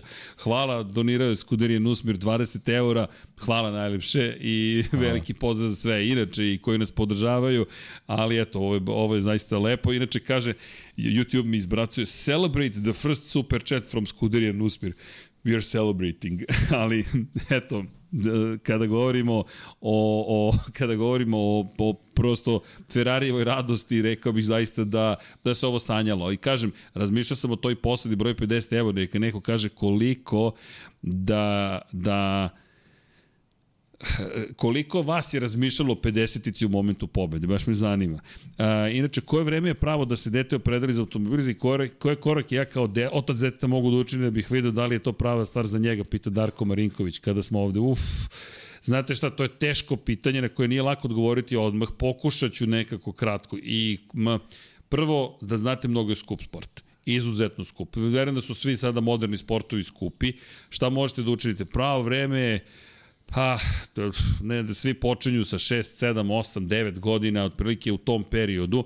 Kreće se obično od kartinga i to vam je maraton, čisto da znate. Pa nije obično, mislim, karting je pravi pa, recept je, za početak. Tako je, tako je karting i ono što je što, ali što, samo, ne znate šta je tu stvar? Tu je stvar ljudskih momenta, pritisaka, izdržati, ne posustati i tako dalje i do koje mere gurati neku stvar. Ima, ima, ima priča koje su se srećno završile. Esteban Okon, njegova porodica, je prodala celu automehaničarsku radnju, kupila kamp prikolicu i putovala po Francuskoj i trkala se. Dok nije došao do Formule 1, oni su se pitali da li će preživjeti, bukvalno. Dakle, zaista se svelo na to je to je pitanje zaista mogućnosti u velikoj meri. S druge strane, pitanje očekivanja. Mi znamo mnogi roditelji koji su imali ogromno očekivanja, prosto deca nisu bila dovoljno brza i onda uspeha nema, a vi očenički pokušavate da podržite dečiji san. Tu isto ima taj moment kada roditelj mora da kaže stop. Inače, Valentino Rossi nije imao para da se bavi kartingom, zato se opredelio za motociklizam. U jednom momentu je Rossi imao karting karijeru pred sobom, automobilističku, ili moto karijeru, u tom trenutku u Italiji nije bilo za njega para za karting, Ni, nisu I onda je shvatio da mora obilaznim putem da postane prva legenda Moto Grand Prix, da bi mogo sebi da priučiti da učestvuje na Le Manu, inače izborio je učešće na Le Manu sledeće godine. Sada može i da plati učešće. Ne samo ali da... mora da zasluži ali, da, da može da plati. Tako je, ali mora da zasluži da može da plati. Tako da znate šta vi možete da uradite, samo ga volite, to je prvo i osnovno. E, imate surove priče, ne znam, otac Maxa Verstappena je znao da ga ostavi na pumpi samog ako ne odveze trku dovoljno dobro i da ne priča sa njim sledeća dva dana. Mama dođe posle po Maxa Verstappena. Max danas kaže, moj otac je uradio najbolje što je mogao, ali kažem vam, to su neke vrlo ozbiljne, teške priče, ima ih još poučnih, a imate i lepe priče. Jenson Button i njegov tata su imali nisu toliko bili ugroženi u celoj priči, a zajedno su bili neprekidno i nekako i vrata su se otvorila, sreća vam svakako treba, ali neki ne, pravi recept... Pa eto, spomenuo si Batona. Šta bi bilo da Honda nije odustala od Formule 1?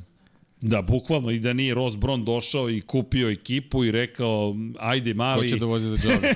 Ko će da vozi? Ja ću da vozi za džabe. Ok, bit ćeš svetski šampion, imamo dvostruki difuzor, ali eto, to su vam svakako sreće. Za šta god da se odlučite, Mi vam želimo sreću ukoliko možemo, ne znam mi pada na pamet kako pomoći, to je vrlo nezgodno da mi ne kažemo nešto da ne pomislite da se garantuje uspeh, ali Pišite nam na lab76.infinitylighthouse.com svakako. Da, da se vratimo ovome. Svi su oni počeli kao klinci u nekom trenutku i došli do, do ovoga, ali zaista treba mnogo sreće. Mi vam držimo palče, ne, pre svega. Potrebno je mnogo, mnogo novca, zaista posebno u ovim GT kategorijama bukvalno tu ima jako mnogo kvalitetnih, talentovanih vozača, ovaj, ali, ali u principu oni sa, sa velikom podrškom sponzora su ti koji koji ovaj prolaze tako da da uopšte nije nije jeftino ni ovo takmičenje. Znači jedan jedan program za za Le Mans uh, dok su dok su igri bili prototipovi je koštao oko 200 do 250 miliona evra tako da Godišnje. Godišnje, da. Samo da napomenem, da, godišnje. Da, tako da to nije mnogo daleko od, od Formule 1, tako da ovaj, to je i odgovor na pitanje zašto, zašto se nije veliki broj ekipa uključivao fabrika u, u, u trke prototipova sada sa, sa ovim hiperautomobilama, to deluje da će, da će ovaj da bude jeftinije u nekom doglednom periodu, tako da eto, već sledeće godine će se BMW priključiti hiper uh, automobilima, ovaj, Alpina je predstavila svoj, svoj automobil za, za sledeću godinu, tako da, eto, znači najmanje ako budu po dva, po dva automobila, znači imaćemo još 12 vozača koji mogu da se nađu na gridu u najjačoj klasi. Deki, da li smem dok sve ovo pričamo da, da, da pohvalim malo Cadillac? S trećom apsolutno, da, da. Mislim da, da, da zaslužuju da ih pohvalimo. Da, Earl Bamber ispunio moje očekivanja, moja, čujte, ispunio očekivanja, to je ozbiljan jedan vozač koji ima ogromno iskustvo, ali mislim da od Cadillaca nije niko previše očekivao i na kraju, ne kažem da, da, da, da se nije očekivalo ništa, ali na kraju smo došli do toga da zapravo se postoje to pitanje, pa da li zaista Cadillac nešto više može ili ne može. Ono što je zanimljivo, ko vodi ekipu Cadillaca, dakle Chip Ganassi je čovek koji stoji za ovoga i to mi je takođe zanimljivo iz perspektive tih spojeva američkih timova i Cadillaca, pa konačno i te priče da će Cadillac ući u Formulu 1 kada pričamo o Michaelu Andretiju i generalno Andreti Racingu.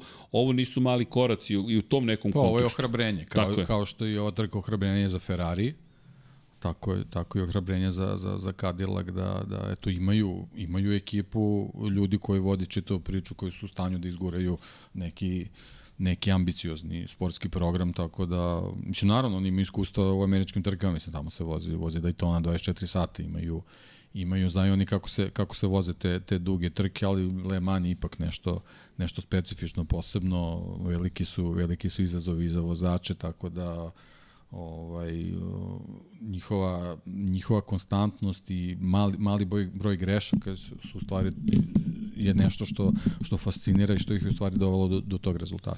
Kadila koji inače ovo prvi plasman na pobjedičkom postolju u istoriji u Lemanu i zato hoću da ih istaknem.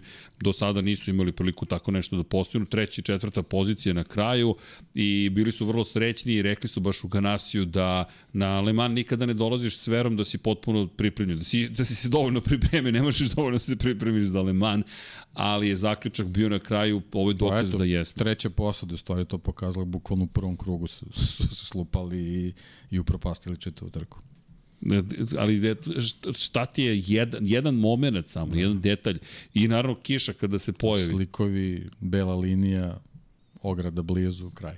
Ali bukvalno da li trka traje 15 minuta ili 24 sata, potpuno sve jedno. I priprema koja traje godinama, bukvalno, ne, ne par meseci, godinama. Ferrari se za ovo pripremao godinama. Dođete u situaciju da kažete, ej, čekaj, ovo je bukvalno e, završeno nešto, nekome je završeno tek tako. E, ali zato slavimo pobednike, zato mi je Cadillac toliko nekako bila ta lepa priča zapravo Cadillac i zato sam ih hteo da ih istaknem, ne zato što sam izabrao Cadillac, nego neka vera, zaista sam vera, imao sam neki osjećaj da Cadillac može da postoji ozbiljni rezultat. Samo osjećaj i drago mi što su uspeli. Inače, i da spomenemo Peugeot, Peugeot koji sad Peugeot, Peugeot jednom trenutku čak i vodio, je li tako?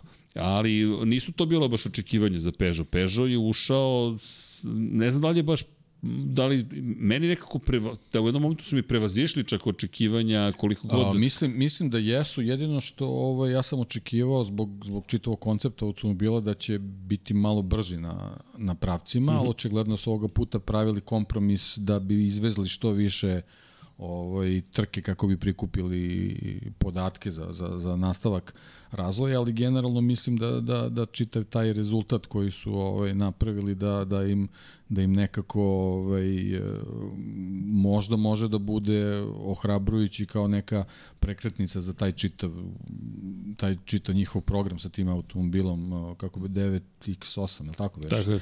Ove, ovaj, tako da ovo je bila odlična trka, mislim taj automobil broj 1 isto imao imali su jednu grešku u šikani, ovaj gubite kontrole nad automobilom i ona, onaj najnezgodniji udarac u prednji deo i kad si na, na polovini staze dok se vratiš do, do garaže to, to mnogo dugo traje onda su oni tu izgubili tu svoju prvu, prvu poziciju. Veliko pitanje naravno da li bi uspeli do, do, do, do kraja samo na performansi da je zadrže, ali generalno mislim da su oni oni time zadovoljni da stvari to za njih ono ohrabrenje da, da u toj konkurenciji tako brzog Ferrarija i te, te Toyota sa, sa reputacijom više, višestrukog pobednika, oni u jednom trenutku vode na trci. Tako da mislim da, da, da, ovaj, da, da su oni od, od upravnog odbora dobili aplauz i da su dobili zeleno svetlo da nastave razvoj. Kada pričamo o Peugeotu, to je to, zeleno svetlo zapravo za razvoj. Mi ja mislim da ćemo tek videti najbolje od Peugeot u narednoj godini, u narednih par godina. Ko zna sad koliko će sve ovo trajati, negde renesansa praktično Le Mans. Prisu, tome prisustujemo u jednom momentu, ako se vratimo, ja mislim, pet godina unazad ili šest, baš smo bili zabrinuti kad je, kada je počelo da se odustaje od Le Mana i onda hiperautomobili kao neka vrsta spasa u celoj ovoj priči. E, proći ćemo i ostali proizvođači. Toyota, rekli smo, druga pozicija, ne možemo reći da je to uspeh za Toyota naprotiv, pogotovo uz sve ovo što si napomenuo, ali e, Toyota zaista nije bila tako daleko. Taj udarac sa Vevericom je uništio praktično kompletan prednji kraj. Pa da, uništiti, pre, ajde, uništili su prednji kraj i onda tu su više dugo vremena. Treba poremetiti i, i taktiku za, za, za finiš trke gde, gde naravno Toyota imala prednost pre svega zbog svog iskustva u prethodnim godinama i onda sve ti to poremeti i eto izgubiš taj, taj neki ritam, naravno i, i vreme i onda je jako teško nadoknaditi kad imaš rivala koji je brz, ra, ravan tvojim krugovima, ovaj, a sa druge strane ništa im se ne dešava. Znači, Ferrari bukvalno ima jednu, jednu gotovo savršenu trku, što se tiče broja 51. E, a što se tiče broja 51? Da. Inače, evo odgovor i za Foka, Foka koji je plakao kao malo dete. A, ali, bukvalno, za, zašto sam i pitao koliko ljudi mislilo na Foka i 50 u tom trenutku? Verujem, niko osim kada kadar prikaže. No, iz perspektive Ferrarija, ok, cilj postignut. Ono što meni, međutim, zanimljivo je bilo iz perspektive zapravo tog kraja trke jeste upravo ta mala razlika. I zaista to je meni za mene bilo kao da se vozi sprint i bilo mi fenomenalno jer imamo sve potpuno otvoreno. Dodao bih još par stvari. Porsche, Porsche kao najuspešniji proizvođač svih vremena u Le Mansu, rekli smo, ovo je Porscheovo carstvo na neki način. Nije mi ličio na Porsche Porsche. Da nije bilo zapravo da Kosti i celog tog te ekipe, ne znam da li bi smo mogli da kažemo za ikoga iz Porschea da je ispunio očekivanja na bilo koji način. Jer Porsche ne može da dođe s malim očekivanjem u Le Mans. Kakav god je projekat programa u tom trenutku u toku, ne može da kaže Porsche se pojavio kao fabrički tim, je pa kao okej, okay, zato što nismo baš bili preterano konkurentni. E, za mene opet ta priča o Cadillacu, čekaj, te, ti ne smeš da dozvoliš da te pobeđuju neki, neki Novajlije suštinski, ali Porsche nije ličio, makar meni nije ličio na sebe, ni, ni gumim nisu funkcionisale, nisu nekako ni strategiju odradili kako treba, bilo je tu raznih pokušaja, ali suštinski, bukvalno, jedini koji su zaista nekako delovali kao Porsche su bili privatnici, makar to moj utisak, ne znam da li deliš moje mišljenje, to je ono što sam ja uspio da ispratim, kažem, pratio sam, to je ono čuveno praćenje po segmentima, čekaj, prošao je mu djelo, aj sad da odgledamo šta je bilo u prvom satu, u drugom, trećem, osmom, petom, petom, pa sam hvatao šta sam mogao da pohvatam, ali ne znam da li je to i tvoj utisak. Pa dobro, Jota, mislim, generalno ta, ta, ta da kažemo, privatna, privatna ekipa je bila hendikepirana u smislu da su oni, oni poslednji dobili taj Porsche automobil ali Jota je jedan, jedan vrlo iskusan tim što se tiče Le Mana, tako da nisu oni u, u tom smislu bili hendikepirani. Znači, poenta je bila samo u pripremi automobila kojeg su jako kasno dobili i bilo je potrebno naveći se na njega. Oni su naravno to uspeli pre svega zato što su taj tim ta, kakav, kakav jesu koji se borio, njihov drugi automobil u jednom trenutku bio u konkurenciji za pobedu u LMP2 uh, kategoriji. A sa druge strane, Porsche je došao sa, sa Penske ekipom koja, koja stiže iz Amerike i nije, nije ovaj, toliko, toliko bila ovaj, iskusna što se tiče Le Mans, pritom to je LMDH automobil, tako da ovaj, ima tu još, još prostora e, i za razvoj. Jedino što mislim, eto, recimo za razliku od Peugeota, koji je prema nekim njegovim izjavama, izjave, izjave ljudi, čelnika Peugeot Motorsporta, oni, su bili, oni bi bili zadovoljni sa 6 sati vrhunskih performansi automobila oni su u 12. satu vodili. Da, oni su vodili. Znači, oni su daleko premašili svoje očekivanja za ovaj Le Mans i, i ta, ta, ta 24 sata, dva puta po 12 sati, oba automobila koji su bili u tom trenutku u samom vrhu su neprocenjivi podaci za, za, za dalji, za dalji ovaj, razvoj vozila, naravno, i su čak i, i kasnije ostali u, u trci, što, što je samo, samo ovaj, poboljšao taj njihov utisak. E sad, s druge strane, Porsche, Porsche ja mislim da su oni potajno su se nadali da će ovaj, da će biti mnogo bolji, a posebno zbog toga što, što su oni tamo negde ne mogu se tačno se setim, ali recimo negde 16. 17. 18. sat, oni su, njihov najbolji automobil je bio negde 5. 6. Znači već, već tad su bili daleko od, od te neke pozicije s kojim bi oni možda, možda bili zadovoljni. Ne znam sad šta im je tačno bio cilj, da li, možda, da li bih možda zadovoljio, da li bih zadovoljilo zadovoljio podijum, ali, ali generalno mislim, recimo, eto, kad, ako ih poredimo sa Peugeotom, mislim da, da ako su ovi zadovoljni i više nego zadovoljni izdanjem, mislim da sa druge strane Porsche ne verujem da je bilo ko u, u, u motosportu odeljenju zadovoljan sa, sa ovogodišnjim Le Manom. Pa to je Lotterer izjavio, Andreas Lotterer koji je rekao prosto da ove godine nas nije želeo Le Mans, nekako taj osjećaj kao da ih je odbacila staza, kao da ih je ceo događaj odbacio, to je bio neki utisak, ali mislim da si ti zapravo dao savršeno kao i uvijek objašnjenje, a to je zapravo da dolaziš sa, sa novom kombinacijom u timu i to je, jeste Penske Porsche zapravo, jeste to fabrički nastup, sve to, ok, tri vozila, ali činjenica je da, da ti nemaš ono što je imao neki drugi Porsche, ali opet kažem ti, Porsche kada se pojavi, pa Porsche, nema tu diskusije to. Pa Jotin, Jotin Porsche pre svega meni delovo mnogo brži, mnogo, mnogo moćnije automobile, sad nažalost imali su imali su taj problem, kineski vozač, ne, ne, ne mogu da mu zapamtim ime, ovaj, malo je malo je prevazišao svoje ovaj i fej. i i i fej. i, i ambicije i očekivanja i mogućnosti i sve živo mislim ozbiljan ozbiljan udes ovaj u Porsche krivinama je imao eto igrom slučaja baš na tom mestu ovaj, i, i od tog trenutka priča za taj automobil bila gotova, ali čak i kad su uspeli, mislim da su za 20, za 20 minuta uspeli mm -hmm. da mhm. sposobe potpuno razlupan automobil, on kad se vratio na stazu ponovo je bio veoma konkurentan po svojim brzinama, što znači da je Jota ekipa Jote vrlo dobro zna da, da, da pripremi te automobile, tako da ovaj, kao što za neke vozače trebaju da se nađu meso za sledeću godinu, tako da da Porsche mislim da mora razmišlja da Jotu zadrži u svojim redovima i da ima obavezno sledeće godine da jedan automobil. Da, je, je, je imao ozbiljni incident. Imao pa jedan grešku, spektakularnih, jeste, možemo da kažemo. Jeste, da. jeste. Da Kosta je takođe napravio grešku, ali... Pa dobro, da, ali trenut kad je već moralo se forsera. Tako je, da tako Kosta je. u svom prvom stentu bio fantastičan. Mislim da bi ubedljivo najbolji vozač. To, to čak i nije kritika, samo da. konstatacija, da. prosto šta im se sve dešavalo. Puno stvari. Ne, ne znam koga bih sve istakao u, u dešavanjima koje smo videli u Le Manu, ali ovo su neke stvari koje mislim da treba istaći iz perspektive Porschea, ne čak ni naše lične, dakle naših nekih afiniteta ili nešto slično. Ne, nego jednostavno to su vozila koja u hiperkaru su veoma značajne. Dakle, ne znam, Glickenhaus nikad ne bih ozbiljnije analizirao na taj način. Glickenhausa, pogotovo sa atmosferskim motorima, ne čekujem previše. Zaista mislim da, da, da su van hrabri, vremena. Hrabri, hrabri. Da, eto, dok nekih vozačkih greški nisu ovaj, Nisu bili da uspešni. da ostvare neki ajde. bolji plasman, ali generalno ja mislim da su oni svaki put tu da, da, da završe trku. Ja mislim da su time zadovoljni, posebno sad u ovoj, u ovoj konkurenciji sa sve više automobila, mislim da se njima smanjuju šanse za neki visok plasman, ali eto, ja se nadam da će oni ostati tu, čisto da se taj broj pove, ostane, ostane ovaj, velik što se tiče tih automobila, pa eto, ko zna, možda, možda i oni nekad uspeju nešto da urede. No, lepo je u svakom slučaju da. videti, ja volim te atmosferce kada se bavi potpuno su orhaičnim u celoj priči i, i nema veze nikakve sa trenutnim tehnologijama Ma, nema i veze, trendovima. Mislim, posebno zato što je Le Mans je takva trka i baš takve automobili trebaju tamo da se pojavljuju. Jer to je, to im je bukvalno jedina oaza gde mogu i da, i da, i da se nađu i da se vidi. Baš je lepo rekao, oaza, pa, ali da. baš oaza. Ne znam, ja volim kada, se, kada dođe Le Mans, ne uspijem baš često da ga pratim kako treba ovog puta. Van Val, Boy Coles. Čekaj, Van Val, da. Da. nikad uspeha, da. ali nema ni Pa vez. da, ali eto, tu je, tu isto taj jedan moment o, kojem u stvari trebamo da pričamo kad, je, kad, je, kad, kad budemo ponovo spominjali Ferrari.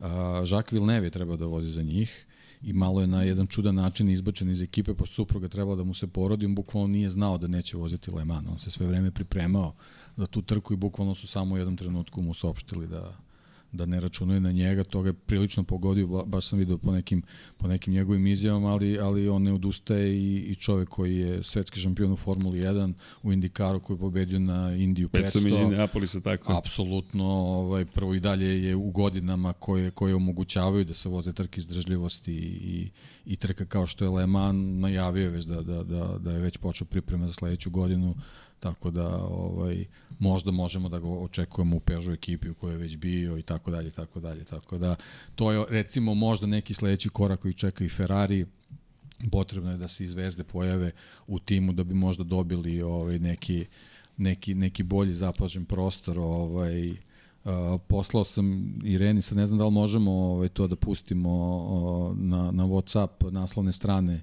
italijanskih novina dana sportskih A, mislim da, za, da je za malo bolji, bolji ovaj, a, plasman na, na, na tim stranicama bilo potrebno da bude neki kvalitetni vozač, neko zvučnije ime. Aha. Mislim da im je samo to nedostajalo ovoga puta. Zanimljivo. Da, da. Ja, ako, ja sad ne, ne znam ne, okay. ako možemo sa Whatsappa možemo, to možemo, da, da prebacimo, možemo, možemo. pa ćete da vidite kako izgledaju naslovne strane. Ceniš da je do vozača, da je ime Pa mislim da, mislim da treba, da, treba neka harizma to da se pojavi, ali to možda i pokazuje da oni nisu ni oni sami očekivali ove godine da će nešto da se, da se desi tako ovaj, krupno, a ova, ova, ova, ove pozicije ovih vozača koji su bili tu, u principu to je bila nagrada za njihovu vernost u prethodnim godinama u LMGT kategoriji, tako da eto, oni su, oni su ušli u istoriju, mislim da su zadovoljni da se niko od njih neće posebno ljutiti ako im se zahvali ako sledeće godine ne budu bili u Hipercar programu. A jedno, što bi bilo, ali okej, okay, imaju pobedu, istorijsku, to je kraj priče. Ma, mislim To je da su kraj. super zadovoljni svi. Da. Oni, oni su sad otvorili svoje karijere, oni sad bukvalno mogu da da u Italiji posebno rade što god hoće. što kaže Colin Edwards, od, od, kad, od, pošto je na to čuveno pitanje koliko, kako se osjećaš slavnim. Kaže, slavan sam samo kad uđem na auto, da odem na auto grill u Italiji i dobijem besplatnu kafu. Kaže, ko zna za mene u Americi? Kaže, si normalan, kaže, niko živ, nema pojma. Ko, pitaju me, možeš ti da živiš od tog motociklizma. Inače, to je dvostruki svetski šampion u Superbajku, ali u autogrilu ima ovaj kafu, čak i dan danas, i policija kada ga je zaustavljala italijanska, zaustavljala ga je samo da se fotografiše s njime. Dakle, bukvalno čoveka zaustaje sa njegovim motorhomom i on kaže, šta sam uradio u nevolji sam. Ne, ne, ne, Colin, Colin, ajmo foto i to je ćao. Tako da, to su priče Colina Edvrca, ali evo, dakle, Tutto Rosso je sa leve strane Francesco Banjaja, sa desne strane je jel te, pobjeda na 24 časa Lemana, ali šta je glavna vest? Interformato gigante. Da, znači, iako su izgubili finale da. Lige šampiona, priču Interu. A Ferrari da. ti pobedio prvi put posle Milan. Evo, vidi ga Nole. Nole je dobio da. više od Ferrarija. to, to ti isto govori o očekivanju. La Gazeta dello Sport. La Gazeta dello Sport. Ali, kažem, još jednom čestitke Principe Ranieri, Festa Rossa, levo je Ferrari, desno je Ducati Corriere dello Sport.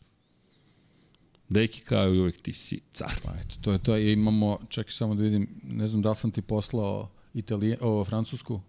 E, sad ću ti pošaljem i to. Da, i fascinantno da, da Ferrari posle ovakvog uspeha ne dobije više.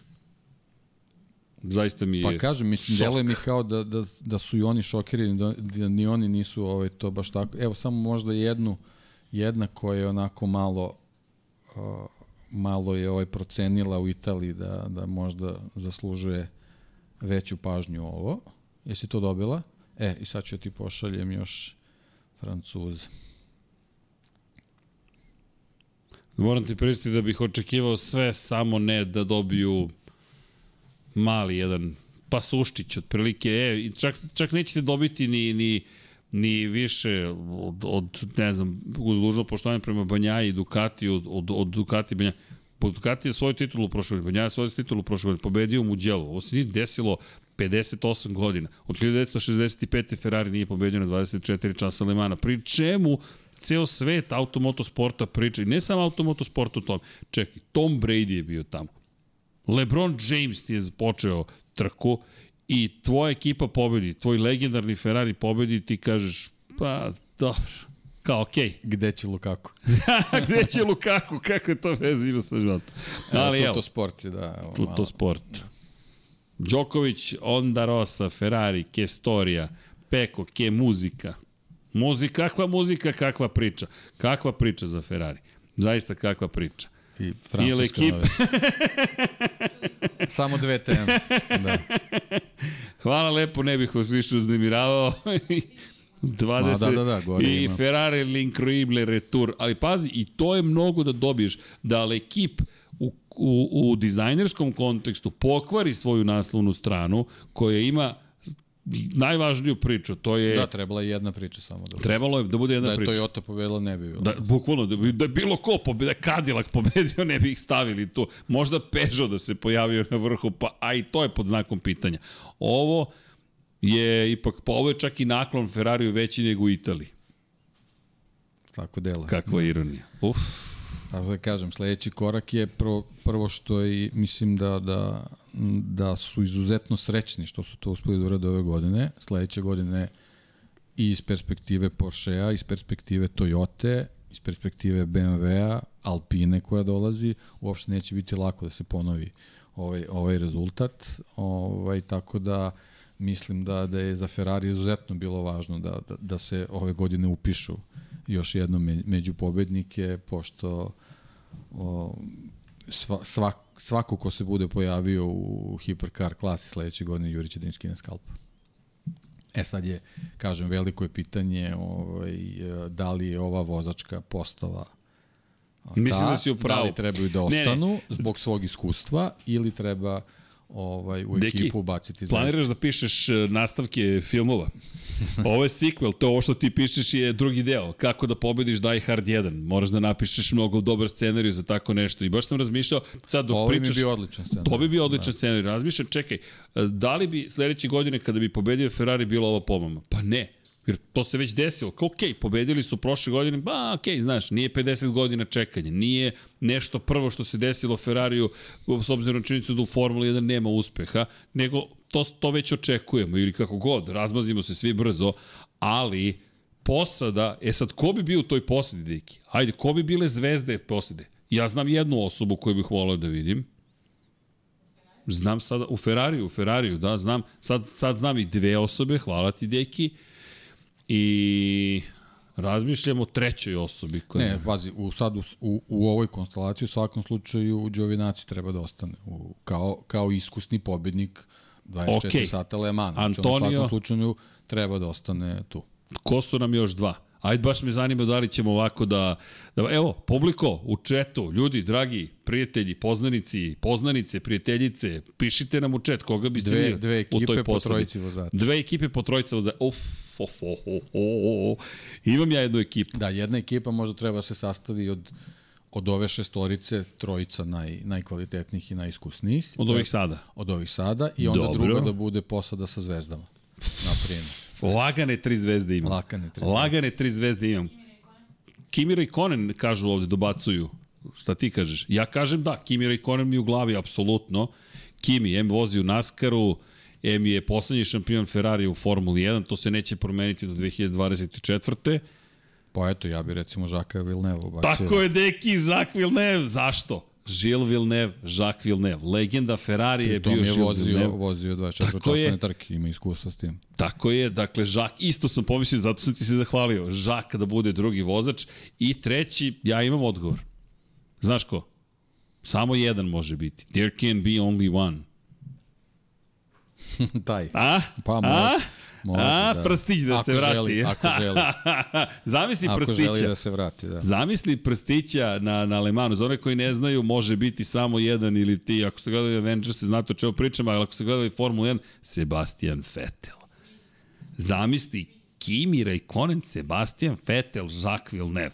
Pa ja bi platio da to gledam triplo, dakle, neki svaka ti čas. Kao i uvek, molim vas, naš režiser, scenarista, urednik, gospodin Dijan Potkonjak. Hvala, deki. U, ovo je, ako neko iz Ferrarija sluša, primamo i procenat od uplata, nemojte ništa da brinete. I angažujte binota da malo poboljša motor. Matija, vrati, da, malo, malo, malo ima, tu, ima tu prostora još za rad. Ali, pa ima uf, sigurno, ima sigurno. Da, da, upravo si, poca da je potrebno. Ova klasa tek treba da se razvije. To je ono što je što je lepo. Suviše, suviše velika razlika odnosno na LMP automobila. Deki. Deki. Deki, deki, deki, deki, deki, deki, deki. Znaš šta se nije desilo 2007. 8. godine, 6. i tako dalje? Ko nije otišao u Ferrari? A, sad mi preskačeš. A želi, ne, ne, sve si rekao tokom emisije. Sve si rekao, pogledaj svoj mikrofon. da, sve ti, rečeno ti u mikrofonu. Tako je, ne, tako je, tako je, tako je. Mikrofon ti sve govori. Ko hoće u Le Mans? Ko želi Le Mans? A ko je testirao Ferrari? A nije vozio Ferrari. Pomozi mi. A hteo je da objedini titule, da bude kao velika legenda John Surtees Ne mogu. Ne mogu. Valentino Rossi, A, to, Valentino da. Rossi. Eto ti ga. Ako ga BMW pusti. A, pa dobro, vidi, tamo on trenira. Je, on se kvalifikovao i mislim da je njegovo mesto u BMW-u zacementira. Pa, trenutno da, ali zamisli samo Rossi u Ferrariju na Le Manu. Šta ti više treba od toga? Dakle, to prodaje ne ulaznice, to ti prodaje majice, Samo da ne bude čarape, kao Rossi zastave. Polako, to je, polako. Deki, de, deki ne štedi. Polako, polako. Deki ovih dana ne, pol pozicije, pobede, polako, dećemo i šta ćemo. Ovo deki, ali sviđa mi se tvoj mozak. Ne, pa kažem, o, o, ovaj ovo sve što se ove godine dešavalo na Le Manu može da, da, da donese da stvarno ovaj, u sledećih deseta godina imamo spektakl posebno što je, što je prilika za priliv vozača velika jer je mnogo automobila tamo. Ne postoji velika fabrika koja koja, pravi, koja je pravila super automobil da, da nije napravila i hiperautomobil. Treba se, da podsjetit ćemo samo da Mercedes ima Project One. A sećamo se kako je leteo, znači epizode Mercedesa na Le Manu nisu bile pretarano slavne, tako da i oni možda će u nekom trenutku osetiti potrebu, ako se ova priča razvije komercijalno u nekom dobrom smeru, da kažu čeka pa mi moramo isto da budemo tamo. Šta si rekao petak? Aston Martin, Mercedes, dodamo Red Bull, Ford, Red Bull Dobro, kažem, i tu je zadrška, program Formula 1 je mnogo skup, program za, za trk izdržljivosti nije ni malo jeftin da ne kažemo da je, da je preskup njima, nije, nije toliko skup, ali generalno to kad se sabere, to su ogromni izdaci i, i poenta što svako od njih eh, kad se pojavljuju nekoj priči koja puno košta, želi, želi da ostvari uspeh i rezultat, naravno. Nemoguće da svi pobede i onda tu moraju malo da se prave kalkulacije ko će se kad pojaviti, ali je poenta da, da postoji ovaj, eh, velika grupa automobila koje jednog dana mogu da, da da odgovaraju homologacijama koje, koje se voze na Le Manu i da, da se nađu tu. Ma fantazija. A? A, Honda. Oni već imaju automobil samo da ga rebrendiraju.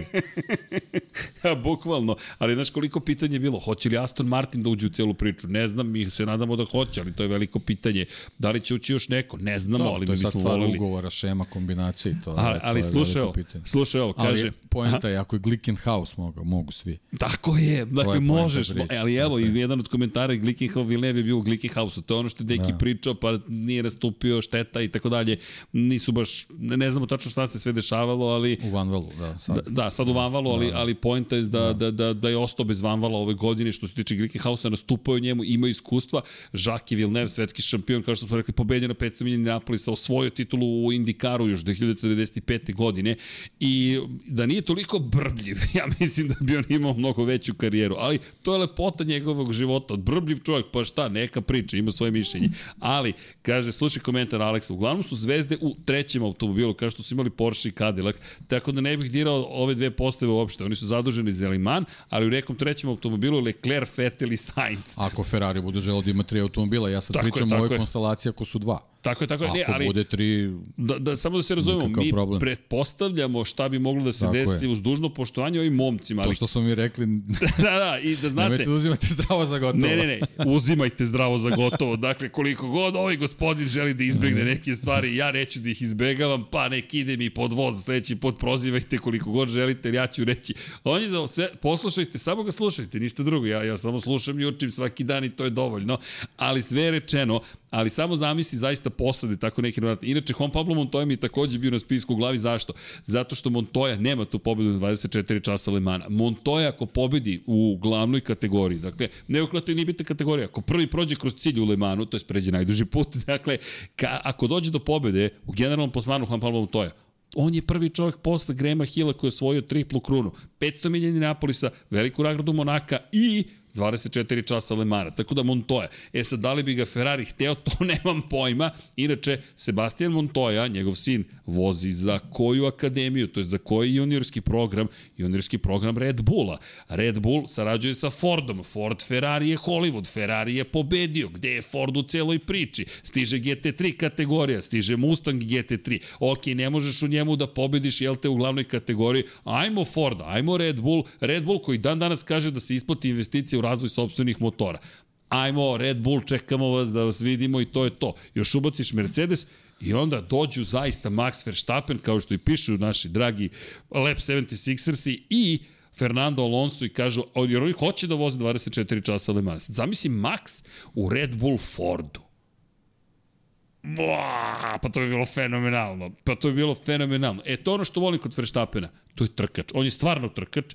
Dakle, Njemu se trka non stop, on bi samo da vozi čovjek. Šta bi da radi u životu? Da vozi trke. I to je ono što je fenomenalno. Eto, malo sanjarimo, ali šta sad, to jeste pojenta cele priče da sanjarimo, ko zna gde ćemo da stignemo. A jesu rekli, Alonso je rekao Verstappenu, pa možemo jednog dana da vozimo zajedno 24 časa Le Mans. Zašto da ne? I sad... Da, dvostruki pobednik, on, on, bar, on zna. bar zna. Ako je još uvek u formi da vozi for, Formulu 1, Le Mans sigurno sledeći 10 godina. La, lagano. Bez problema. Čovjek koji je vozio, izvini, Dakar, jesmo pričali sa Sagmajsterom, jel, jel, jel mu bio fenomenalan doživljaj u sred pustinje sa Fernandom Alonsom koji vozi Dakar rally. Fernando isto trkač, ljudi on voli da se trka, njemu je to život i to je ono što je fenomenalno. Fetel, verujem da neće hteti da se vrati, da se ti tu 100% prodajem posvećen porodici, a, nažalost, ali volio bih da ga vidim na 24 časa Lemana, zaista, to je jedan spektakularan vozač, malo je zaboravljeno šta sve može, ali okay, ovo su, ovo su neke pipljive stvari. A, kaže, moram samo, ne da Karižić, moram samo da poklim muzičku scenografiju u studiju na kraju univerzuma. Hvala, dve gitare LTD sa šarom kao omaž Van Halenu. Tako je. Znate ko je napravio omaž Van Halenu? Tadadada, gospodin direktor, gospodin Dejan Potkonjak. E, tek će ti biti neprijatno do kraja emisije, ali nije, valjda si se navikao već na ovo. Zatim i Yamaha Pacifika, naravno, i diskretna dva pojačala na polici između. Naravno, i jedan je Jedan je inače Marshall koji je malkice sakriven i jedan je Honor, tako da znate. svega ima ovde, svega ima, još samo da počnemo ponovo da sviramo. E, ali svirao sam u 99 yardi, da znaš. I nije bilo tam tam Sve znam. tam. Ej, rock and roll ain't noise pollution. Rock and roll ain't gonna die i tako dalje. Elem, Fetera ne treba staviti baš u isti koš sa Fernandom i Luisom. Uh, u, u, u kom smislu? Dobar vozač, dobar vozač. Ne bih ja pocenjivao, ali činjenica drugačije karijera. Aston Martin je povukao svoj auto iz GTE i P1 prekinuo jer nemaju para na dva fronta.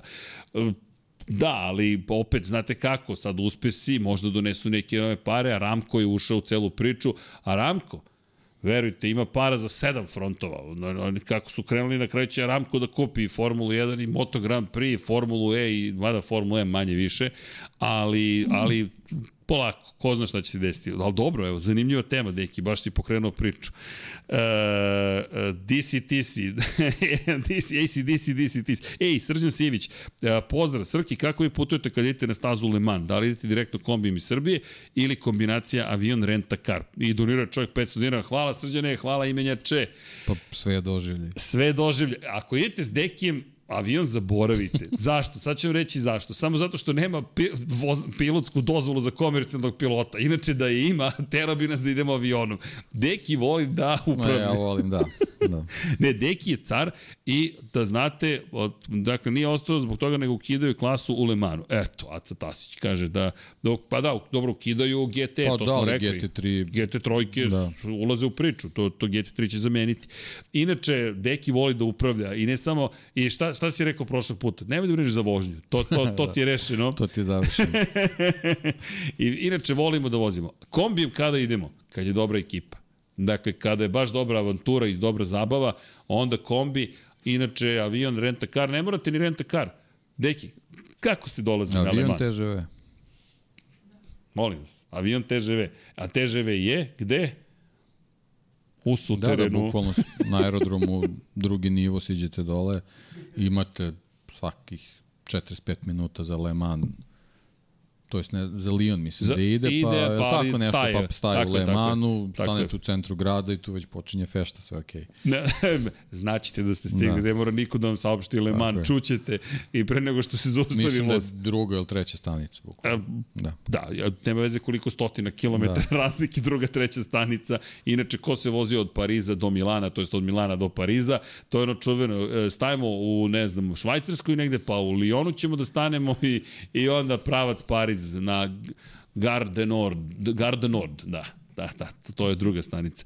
U svakom slučaju da bilo, bilo je svega ove godine. Tako da eto, da znate gde možete da, kako da stignete. Što do Lemana zaista nije problem stići iz te perspektive i topla preporuka, ukoliko uzimate rentakar, nemojte leteti na Charles de Gaulle. Dakle, ne zbog Charles de Gaulle, lako ćete doći do rentakara, ali dok izađete vi iz te gužbe oko Charles de Gaulle, srećno. Na burže je teško da ćete sleteti, osim ukoliko ne idete svojim Learjetom, tako da pretpostavljam da nećete ići na burže, ali možete na Orli da sletite. Verujte, na Orliju je mnogo bolje, a i low cost kompanije koriste Orli kao svoj aerodrom, tako da bez problema.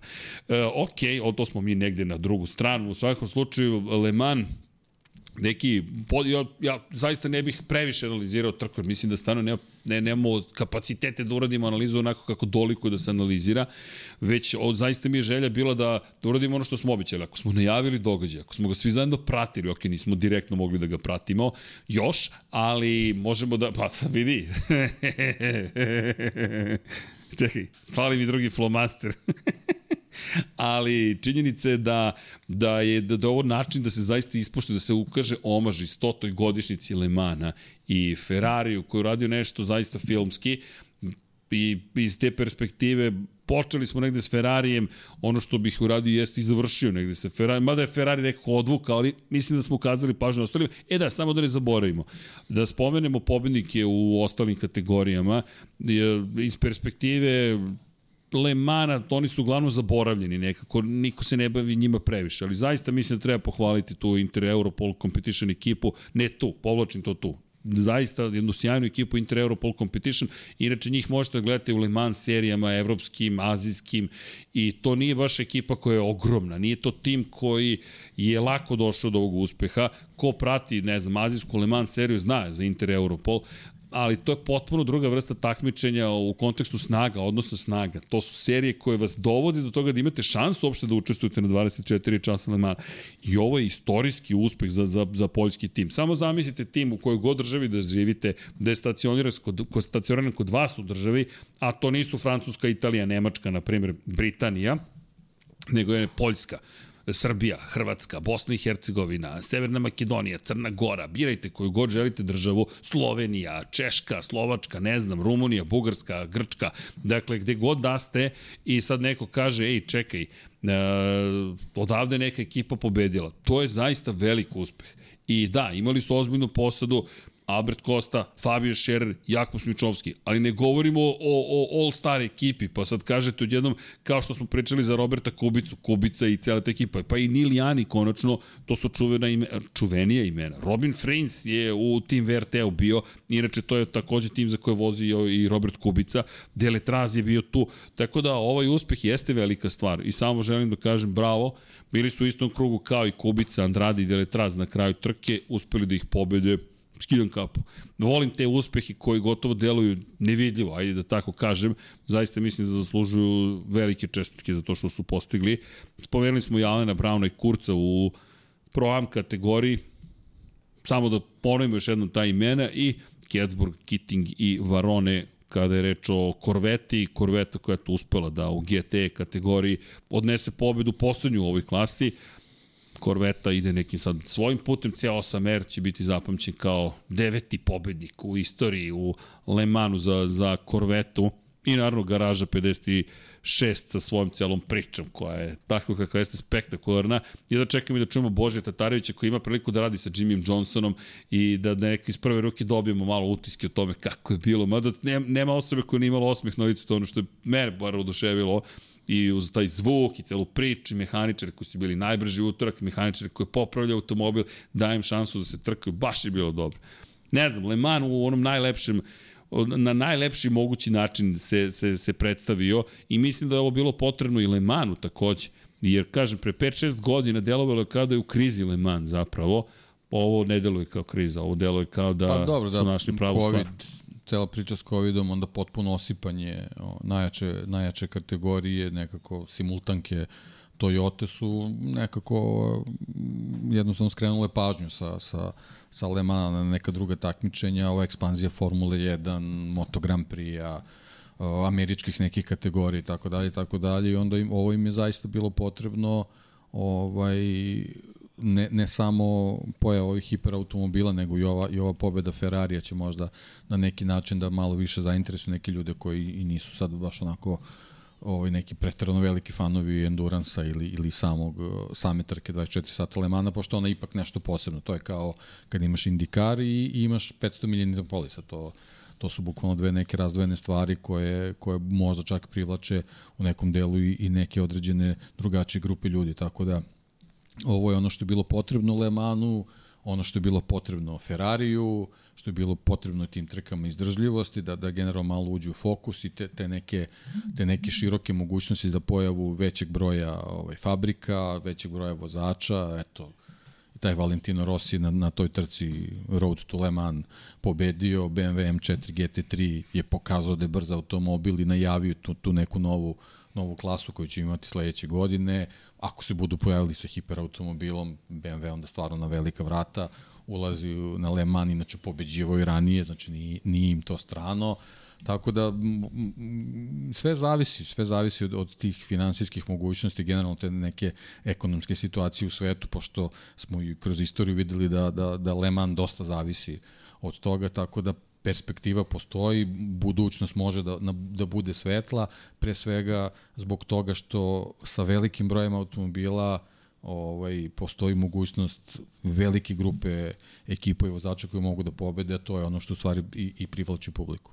I dodamo na sve to ono što si lepo rekao, zvezde, ljude, jer uvek je priča o ljudima i mada ponekad je priča o automobilima, kod nas da. su nekako heroji često automobili, nismo ni dovoljno pričali o 4995, to tra, taj automobil traži posebnu analizu, ali sad pre svega o istoriji, o trenutku, o ljudima koji su bili tu i lepo si rekao, još koja zvezda tu da se pojavi i mi imamo zacementiranu status zapravo 24 časa. Što više zvezde, što manje amerikanizacije. Eto, to je, to je ono što, što bi trebalo da, da ostane Le Mans i da probaju da, da zadrže da budu svoji.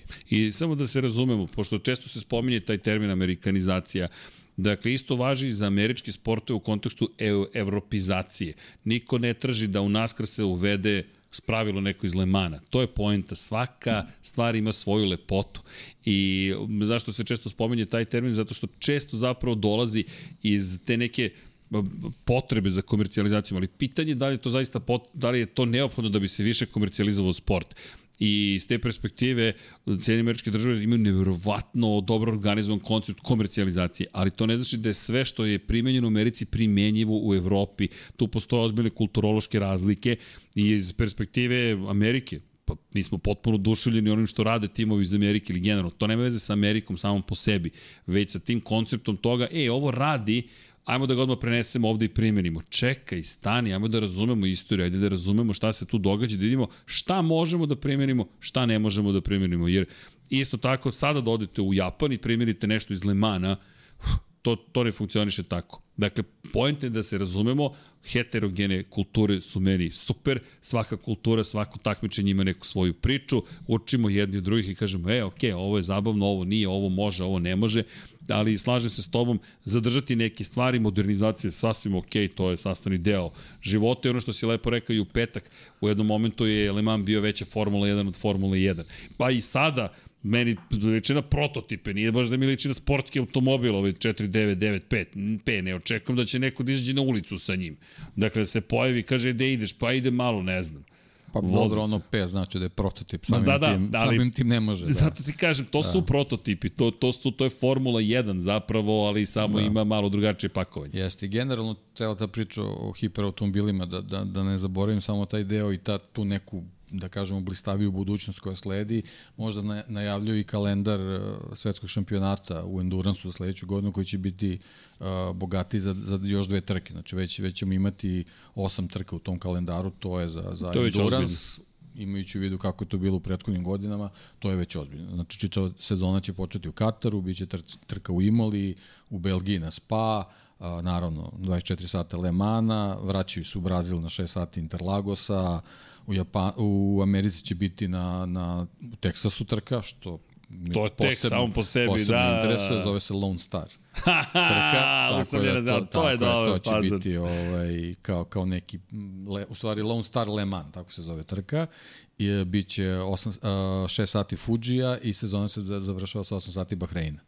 Tako da to će biti izuzetno, izuzetno zanimljiva sezona već iz ove perspektive. Pa vidi, imamo osmeh na licu jer to da. jesu pravi izazovi. Krećeš u pustinji, to ti izazov sam po sebi završavaš u pustinji i između toga ideš malo u Imolu gde ima kiše, nema kiše, brza, kratka staza, uska, gužva je. Zatim na kultni Le Mans takav kakav jeste.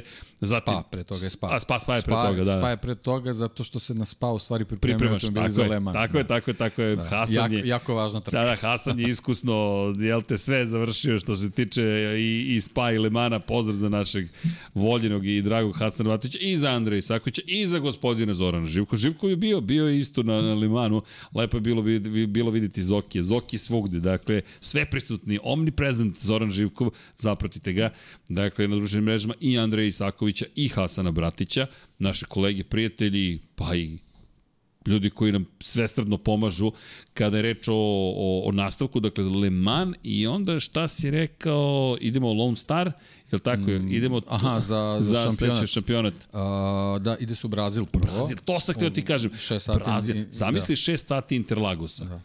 U tom periodu, to, to je vjerojatno neko leto, to je zima tamo, ali zima to znači vlaga, kiša, to treba izdržati. Da. Fu, 6 sati vlaga. To zvuči kao 8 časova da, Suzuki, da, taj fazon. Oni su bili u kalendaru, pa su ispali, ja mogu setim koje godine, bio onaj spektakularni, spektakularni udes Marka Webera, ne znam da li se sećaš.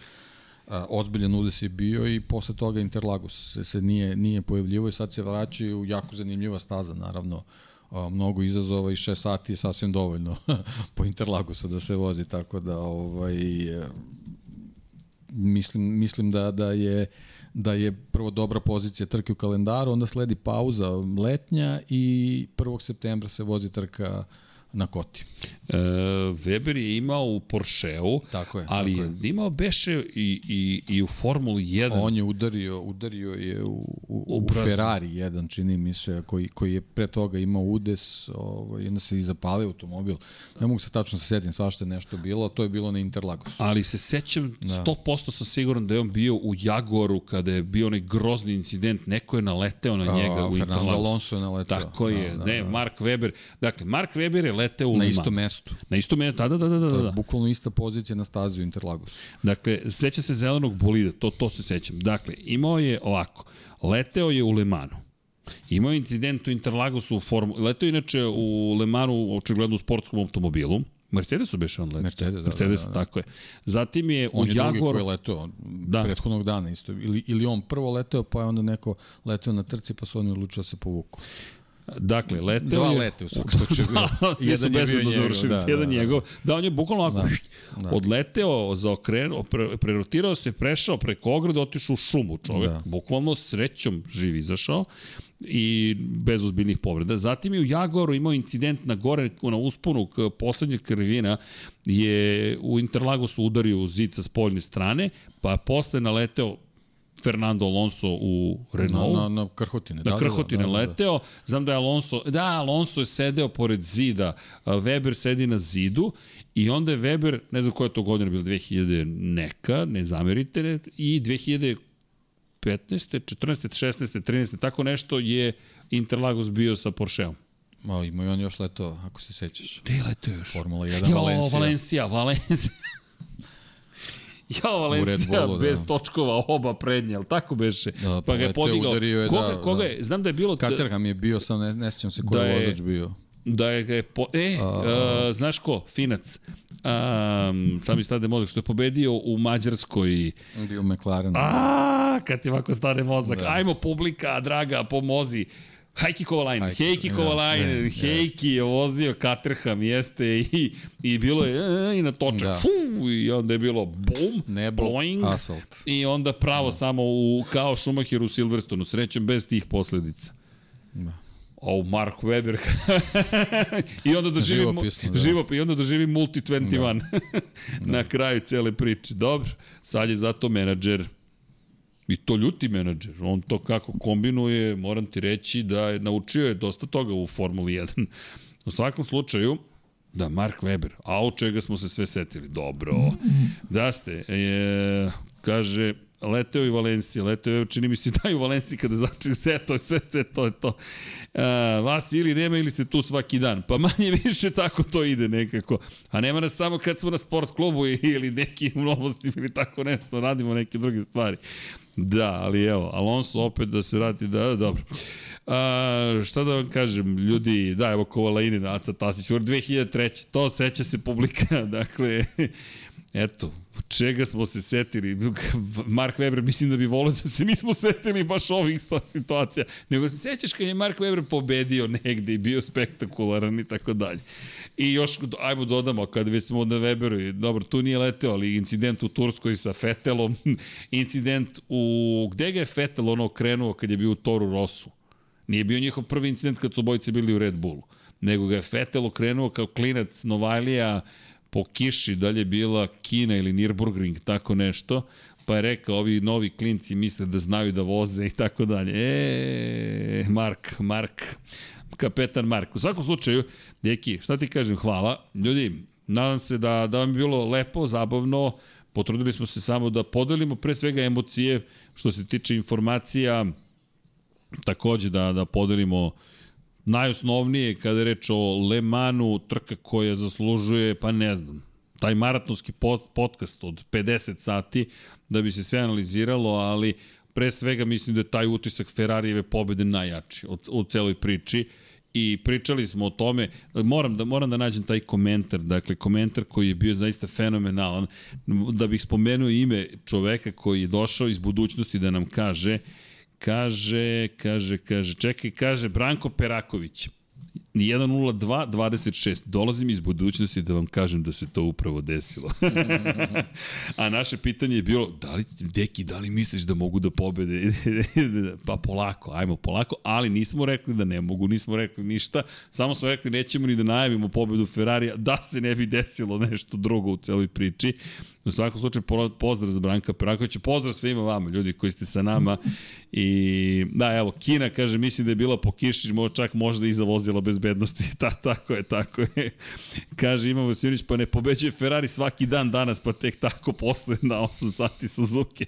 U, ta, tako je. Da, da uzeo LMP2 pobedu juče sa vozačem koji je polomio nogu. E da, to sam zaboravio. Yes. Uh, Inter Europol je imao vozača koji ima polomljenu nogu i još neke su probleme oni imali, a pohvale... Nekoga je pregazio pitu, da. Da, da, da, da, katastrofa šta se desilo i imali Ali smo... Ali moram da priznam, taj da. deo nisam baš ispratio, malo sam bio...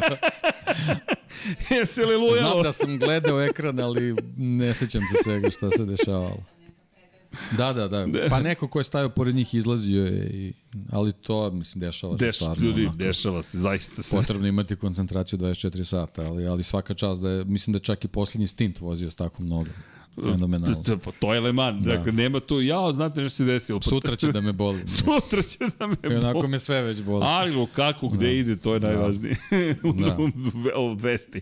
Da. Ali i, ima još šta se desilo, Korveta inače bilo izgubilo dva kruga u jednom trenutku, pobednička nismo ulazili u detalje, ali da znate, Korveta je u jednom momentu bilo ozbiljnim problemima i na kraju se vratila u celu priču i pobedila. Ma nema, na Lemanu imate gazilion priča, prosto su fenomenalne.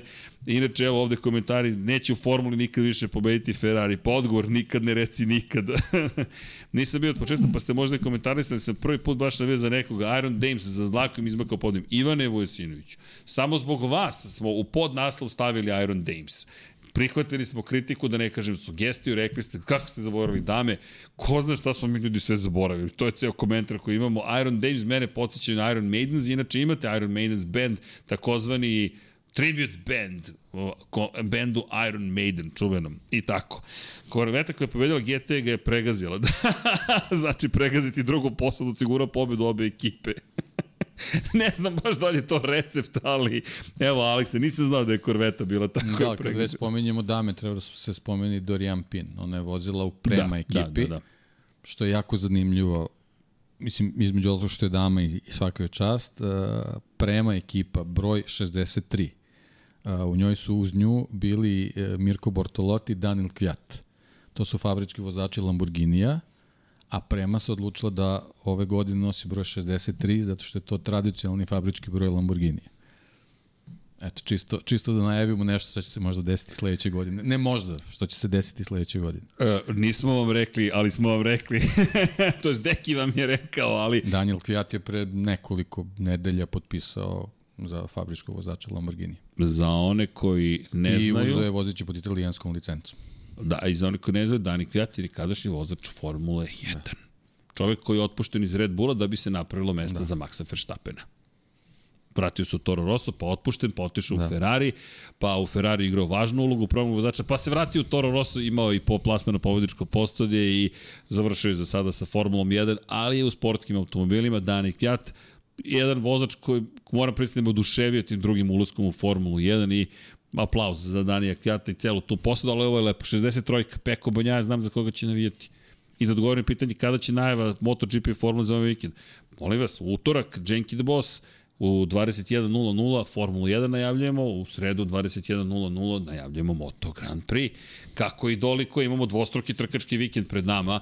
Dakle, ako vam nije bilo dovoljno trkanja, e sada ide vikend u kojem smo u Kanadi, kod kuće Žaka Vilneva, dakle kada smo ga već toliko spominjali, a u Nemačkoj kada je reč o Moto Grand Prix, u dve potpuno različite staze, bit će zabavno.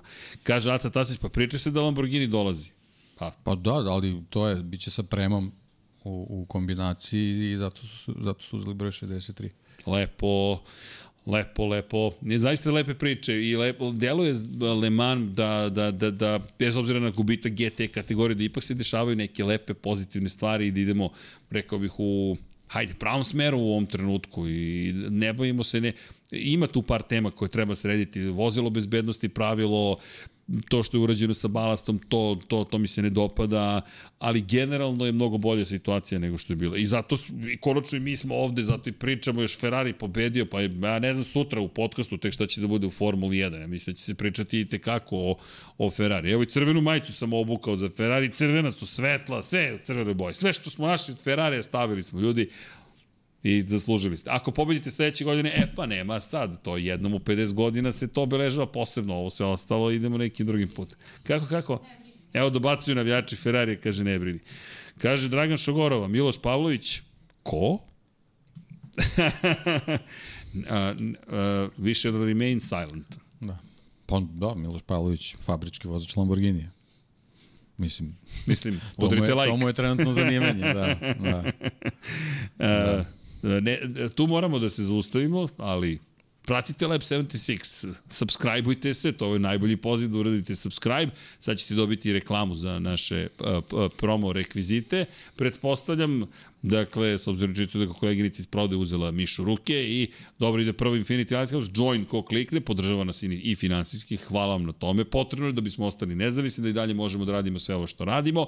Da, bukvalno verujte, potrebno, jer širimo priče, stvari, timove, evo sve više podcasta i ne samo kada je reč o 1 na 1 ili, ili 99 yard ili pod kapicom ili kosmos. Kosmos na malo, malo, malo, malo je zapelo, ali ko SpaceX, dakle, malkice, raznili smo platformu platformu, ali bit će ko hoće majice da, da kupi, podrži nas i samo to da bude fantastično, devenshop.infinitylighthouse.com. Inače, kada govorimo o, o emisijama, pa evo, trudimo se zaista da bude stvari koje, u koje, koje mi volimo, pre svega. Ne samo, ajmo nešto da uradimo, ne, ne, ne nego ajmo ono što zaista volimo, Alemanji jeste jedna velika ljubav, pogotovo, deki, ako smem da kažem, tvoja, to učimo mnogo baš i, i svaka čast. Nedostaje knjiga Enzo Ferrari na stolu polako, ko zna šta će da se, ko zna šta će još iz kuhinje da izađe, tako da polako. Kaže Skuderija Nusmir nešto znate. Mi, mi, mi izgledamo kao ljudi koji nešto, nešto znaju.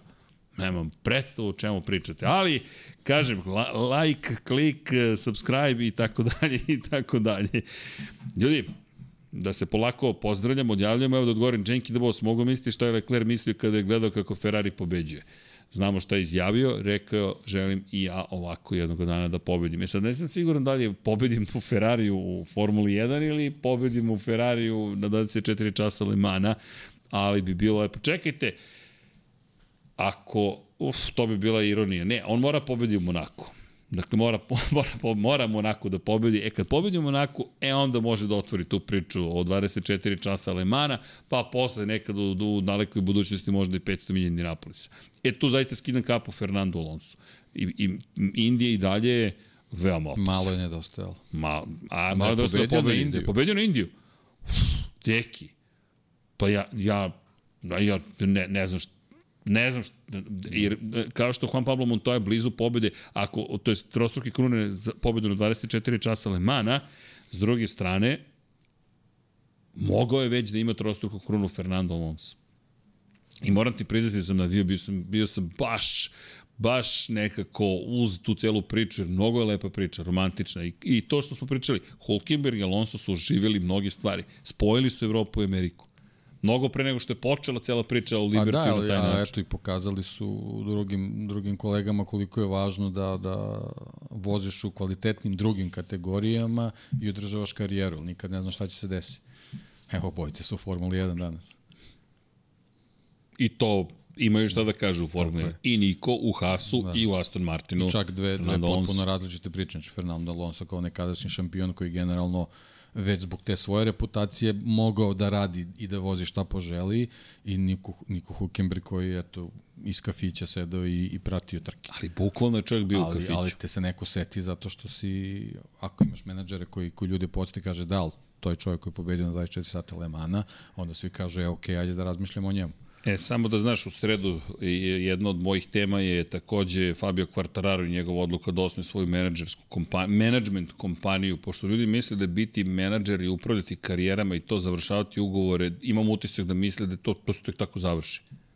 A to je malo drugačije pristup. To, ne, ne, to je, to je jedna, jedna posebna profesija i biti menadžer je biti neprekidno svogde aktivan sa svima u kontaktu, prodavati svog vozača, boriti se za njega, uopšte nije jednostavno i ok, neka to ostane za sredu, ali moram ti pristiti da, da sam malo zabrinut tom informacijom, već smo se to opisivali naš dežurni penzioner i ja, gospodin Boris Trutin, kaže Srki, kako je to zamislio? Rekao, nemam pojma, Boris.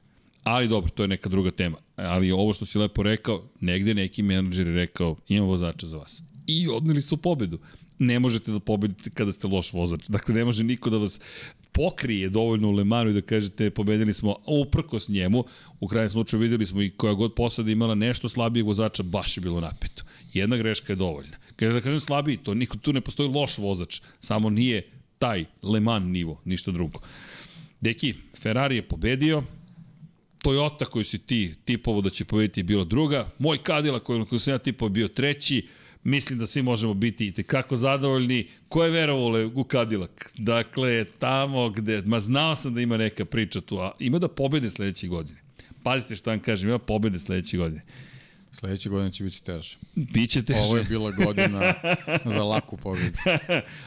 Naravno, to lako shvatite sa dozom rezerve, ali nisu uspeli. Stoti Le Mans pripada Ferrariju, posada ekipe broj 51, posada koja je upravljala Ferrarijem 499P, Pope, ili ti, što deki kaže, prototip da budem jasan, nije 5 nego P, i posada koju su činili ko? Ko? Ajmo, što smo naučili, na pamet. Pitam Ferrarijeve navijače, tako je.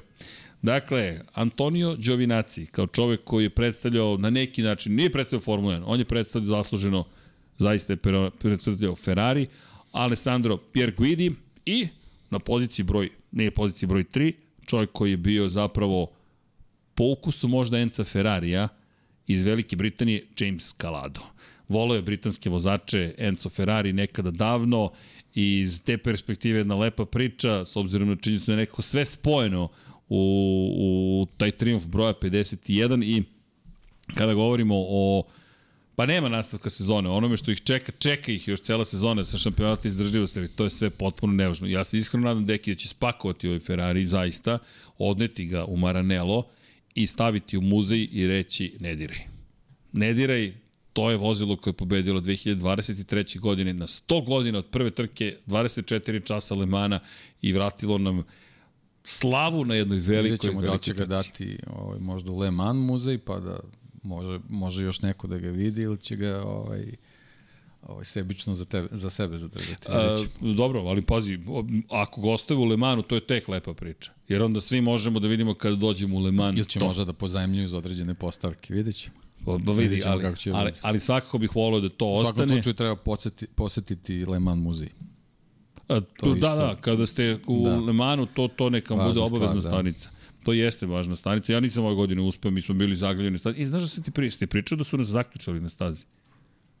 Da, zaključali su nas na stazi. A, rekao si, da, da. Da, da, zaključali su nas na stazi. Bio neki požar u okolini, pa su se popalili alarmi i nismo mogli da iđemo stazi. Ali to nije opravdanje, bio sam po kampovima zato. Bavio sam se nekim drugim rabotama. U svakom slučaju, da konstatujemo još jednom, 50 jedinica, Ferrari 499P, James Calado, Antonio Giovinazzi, Alessandro Per Guidi, legende Ferrarija, deseta pobjeda u istoriji u glavnoj konkurenciji, to jest generalnom plasmanu na 100, na 100 godišnici, 91. izdanje, 24 časa Le Mana, 50 godina pošto je poslednji put kao fabrički tim nastupao u najjačoj kategoriji tim Ferrarija.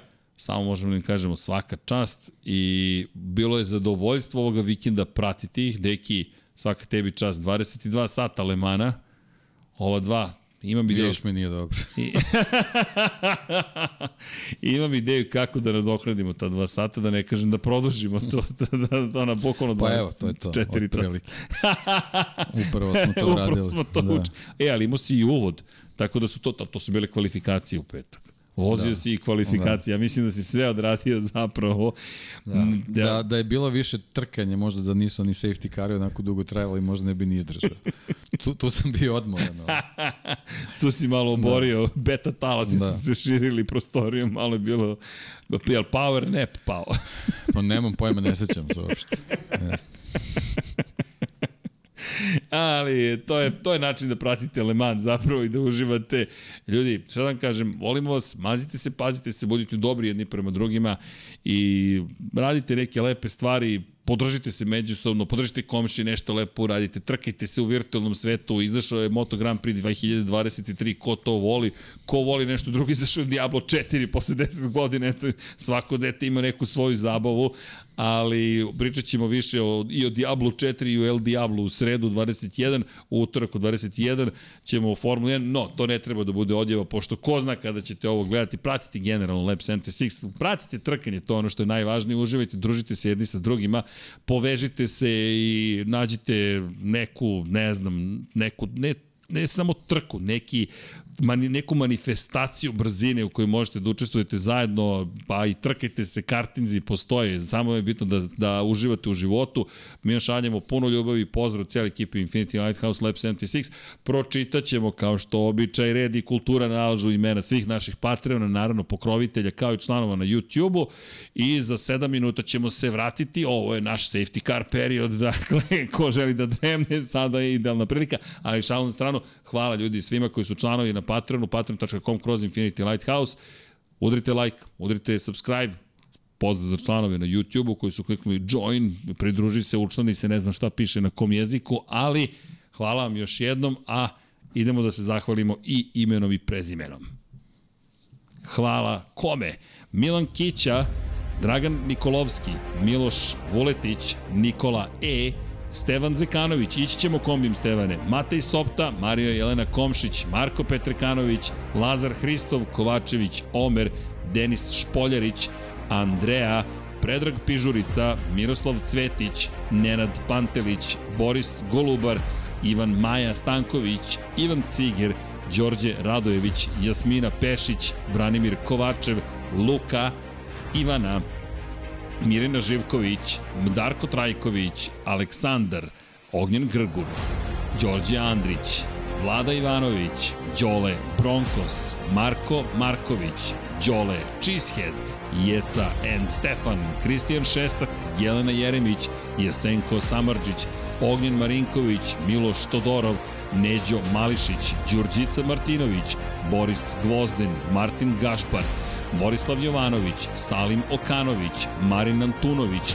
Živojin Petković, Aleksandar Mitrović, Daniel Kolobarić, Bojan Markov, Dejan Đokić, Stefan Ličina, Nikola Božinović, Marko Ćurčić, Alen Vuletić, Dušan Ristić, Ferenc Laslofi, Crnogorski džedaj, Ivan Panajotović, Boris Erceg, Sava Dugi, Zoltan Mezeji, Ivica, Anonimus, Donatorus, Bojan Majstorović, Marko Blagojević, Andrija Todorović, Daniela Ilić, Stefan Radosavljević, Ivan Stefan Dulić, Vukašin Vučenović, Emir Mešić, Stefan Janković, Vučinić Miroslav, Vladimir Stojadinov, Aleksa Vučaj, Strahinja Blagojević, Borislav Vukojević, Bata Brada, Stefan Vidić, Laslo Boroš, Anonimus Donatorus, Milan Paunović, Bahter Abdurmanov, Aleksandar Milosavljević, Aleksa Valter, Saša Ranisavljević, Matija Binotto, Dejan Vojović, Vladan Miladinović, Miloš Rašić, Marko Bogavac, Inzulin 13, Milan, Aleksa Lilić, Matija Rajić, Safet Isljami, Toni Ruščić, Srđan Sivić, Vladimir Jovanović, Novak Tomić, Branislav Kovačević, Zoran Šalamun, Andreja Branković, Stefan Prijović, Petar Relić, Vladimir Filipović, Bojan Mijatović, Aleksandar Bobić, Dragan Matić, Branimir Rijavec, Vladimir Mutić, Dimitrije Mišić, Branislav Milošević, Miloš Banduka, Armin, Vambli Sapa, Katarina, Dušan Delić, Nemanja Jeremić, Marko Horg, Vanja Radulović, Marko Mostarac, Nemanja Zagorac, Jelena Mak, Bojan Bogdanović, Ljubo Đurović, Šmele, Mladen Mladenović, Danka, Milan Apro, Miloš Radosavljević, LFC, Ivan Rebac, Armin Durgut, Mladen Krstić, Vladimir Uskoković, Anonimus Donatorus, Josip Kovačić, Mario Vidović, Nebojša Živanović, Da žena ne sazna, Ivan Milatović, Goša 46, Ivan Simeunović, Stefan Vuletić, Lazar Pejović, Ertan Prelić, Marko Kostić, Zlatko Vasić, Đole QB4, Stefan Nedeljković, Igor Gašparević, Vukašin Jekić, Mihovil Stamičar, Torijan Kablar, Stefan Lešnjak, Žorž, Nedo Lepanović, Blufonac, Luka Manitašević, Igor Jankovski, Miloš Broćeta, Nemanja Miloradović, Aleksandar Anđelić, Zoran Majdov, Renata Neš, Aleksa Jelić, Aleksandar Banovac, Boris Kujundžić, Sean Hing, Igor Vučković, Marko Kozić, Klara Gašpar, Đerman,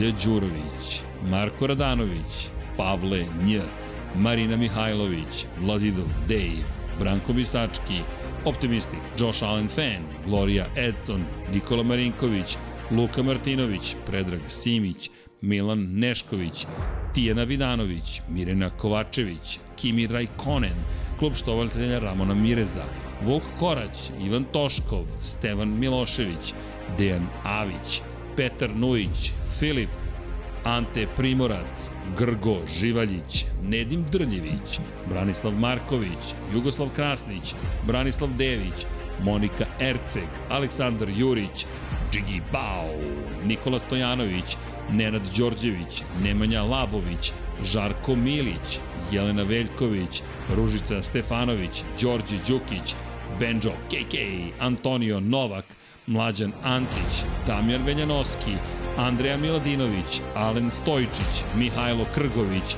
Nemanja, Sead Šantić, Bogdan Uzelac, Zorana Vidić, Nedim, Luka Klaso, Ognjen Ungurjanović, Zoran Cimeša, Nenad Simić, Borko Božunović, Lukaš, Ivan Rečević, Andrej Božo, Nikola Milosavljević, Nenad Ivić, Vojin Kostić, Milan Ristić, Aleksandar Antonović, Deus Nikola, Jugoslav Ilić, Stefan Stanković, Ivan Maksimović, Aleksandar Radivojša, Jovan Đodan, Andrej Bicok, Aca Vizla, Milan Milašević, Veselin Vukićević, Đorđe Milanović, Din Stero, Aleksandar P, Bojan Stanković, Resničanin, Toleador, Miljana Milutinović, Milorad Reljić, Josip Buljovčić, Škundra, Nikola Kojić, Tatjana Lemajić, Vladan Miladinović, Marakos, Kosta Berić,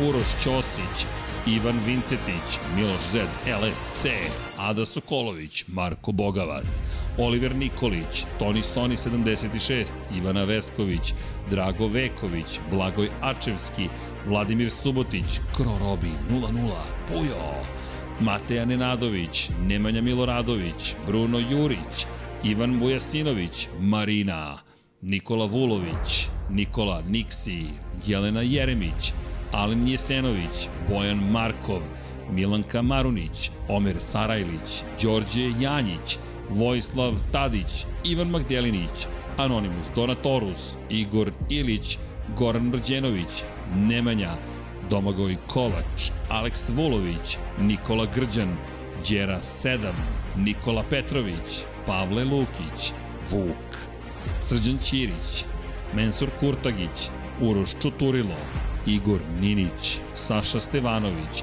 Miloš Stanimirović, Branislav Dević, Ivan Božanić, Aleksandar Kockar, Ivan Hornjak, Almedin Ahmetović, Bakadu, Nikola Božović, Dejan Plackov Plackov, Nemanja Cimbaljević, Bojan Gitarić, Vlada Ivanović, Aleksandar Nikolić, Sejdo Mujičić, Dejan Janić, Galeksić, Jovan Bojanić, Marko Stojilković, Nemanja Bračko, Vladimir Vujičić, Milan Knežević, Petar Bijelić, Ejhil, Mađar 007, Zlatko Marić, Žiksi, Maksi, korespondent, korespondent, iako se nije ispisalo ime, ali znamo ga već po navici, na pamet znamo. Deki, prvi put da te vidim da si naslonio glavu na ruku, da si u fazonu, ok, završili smo. Dragi ljudi, nadam se da ste se lepo zabavili, mi svakako uživamo, čestitamo navijačima Ferrarija, uhu, pobedili ste i nije šala, nije igra, nije ironija, svaka čast Deki, svaka tebi čast na ovom maratonu. Lab 76, 24 časa Le Mana, Lab 76, hvala, odvezao si mnogo krugova ovoga vikenda. Ja ti želim da se lepo naspavaš. Naravno, nadam se da se družimo u, sre, u sredu, u subotu, sam htio da kažem, ali okej, okay, ko zna šta predviđam. No, da vas pozdravimo, naravno ime cijeli ekip Infinity Lighthouse i Lab 76, budite dobri, mazite se, pazite se, kliknite like i naravno uživajte u životu i lepo se trkajte. Deki, hoćemo zajedno. 1, 2, 3, 4. Ćao, Ćao svima! svima.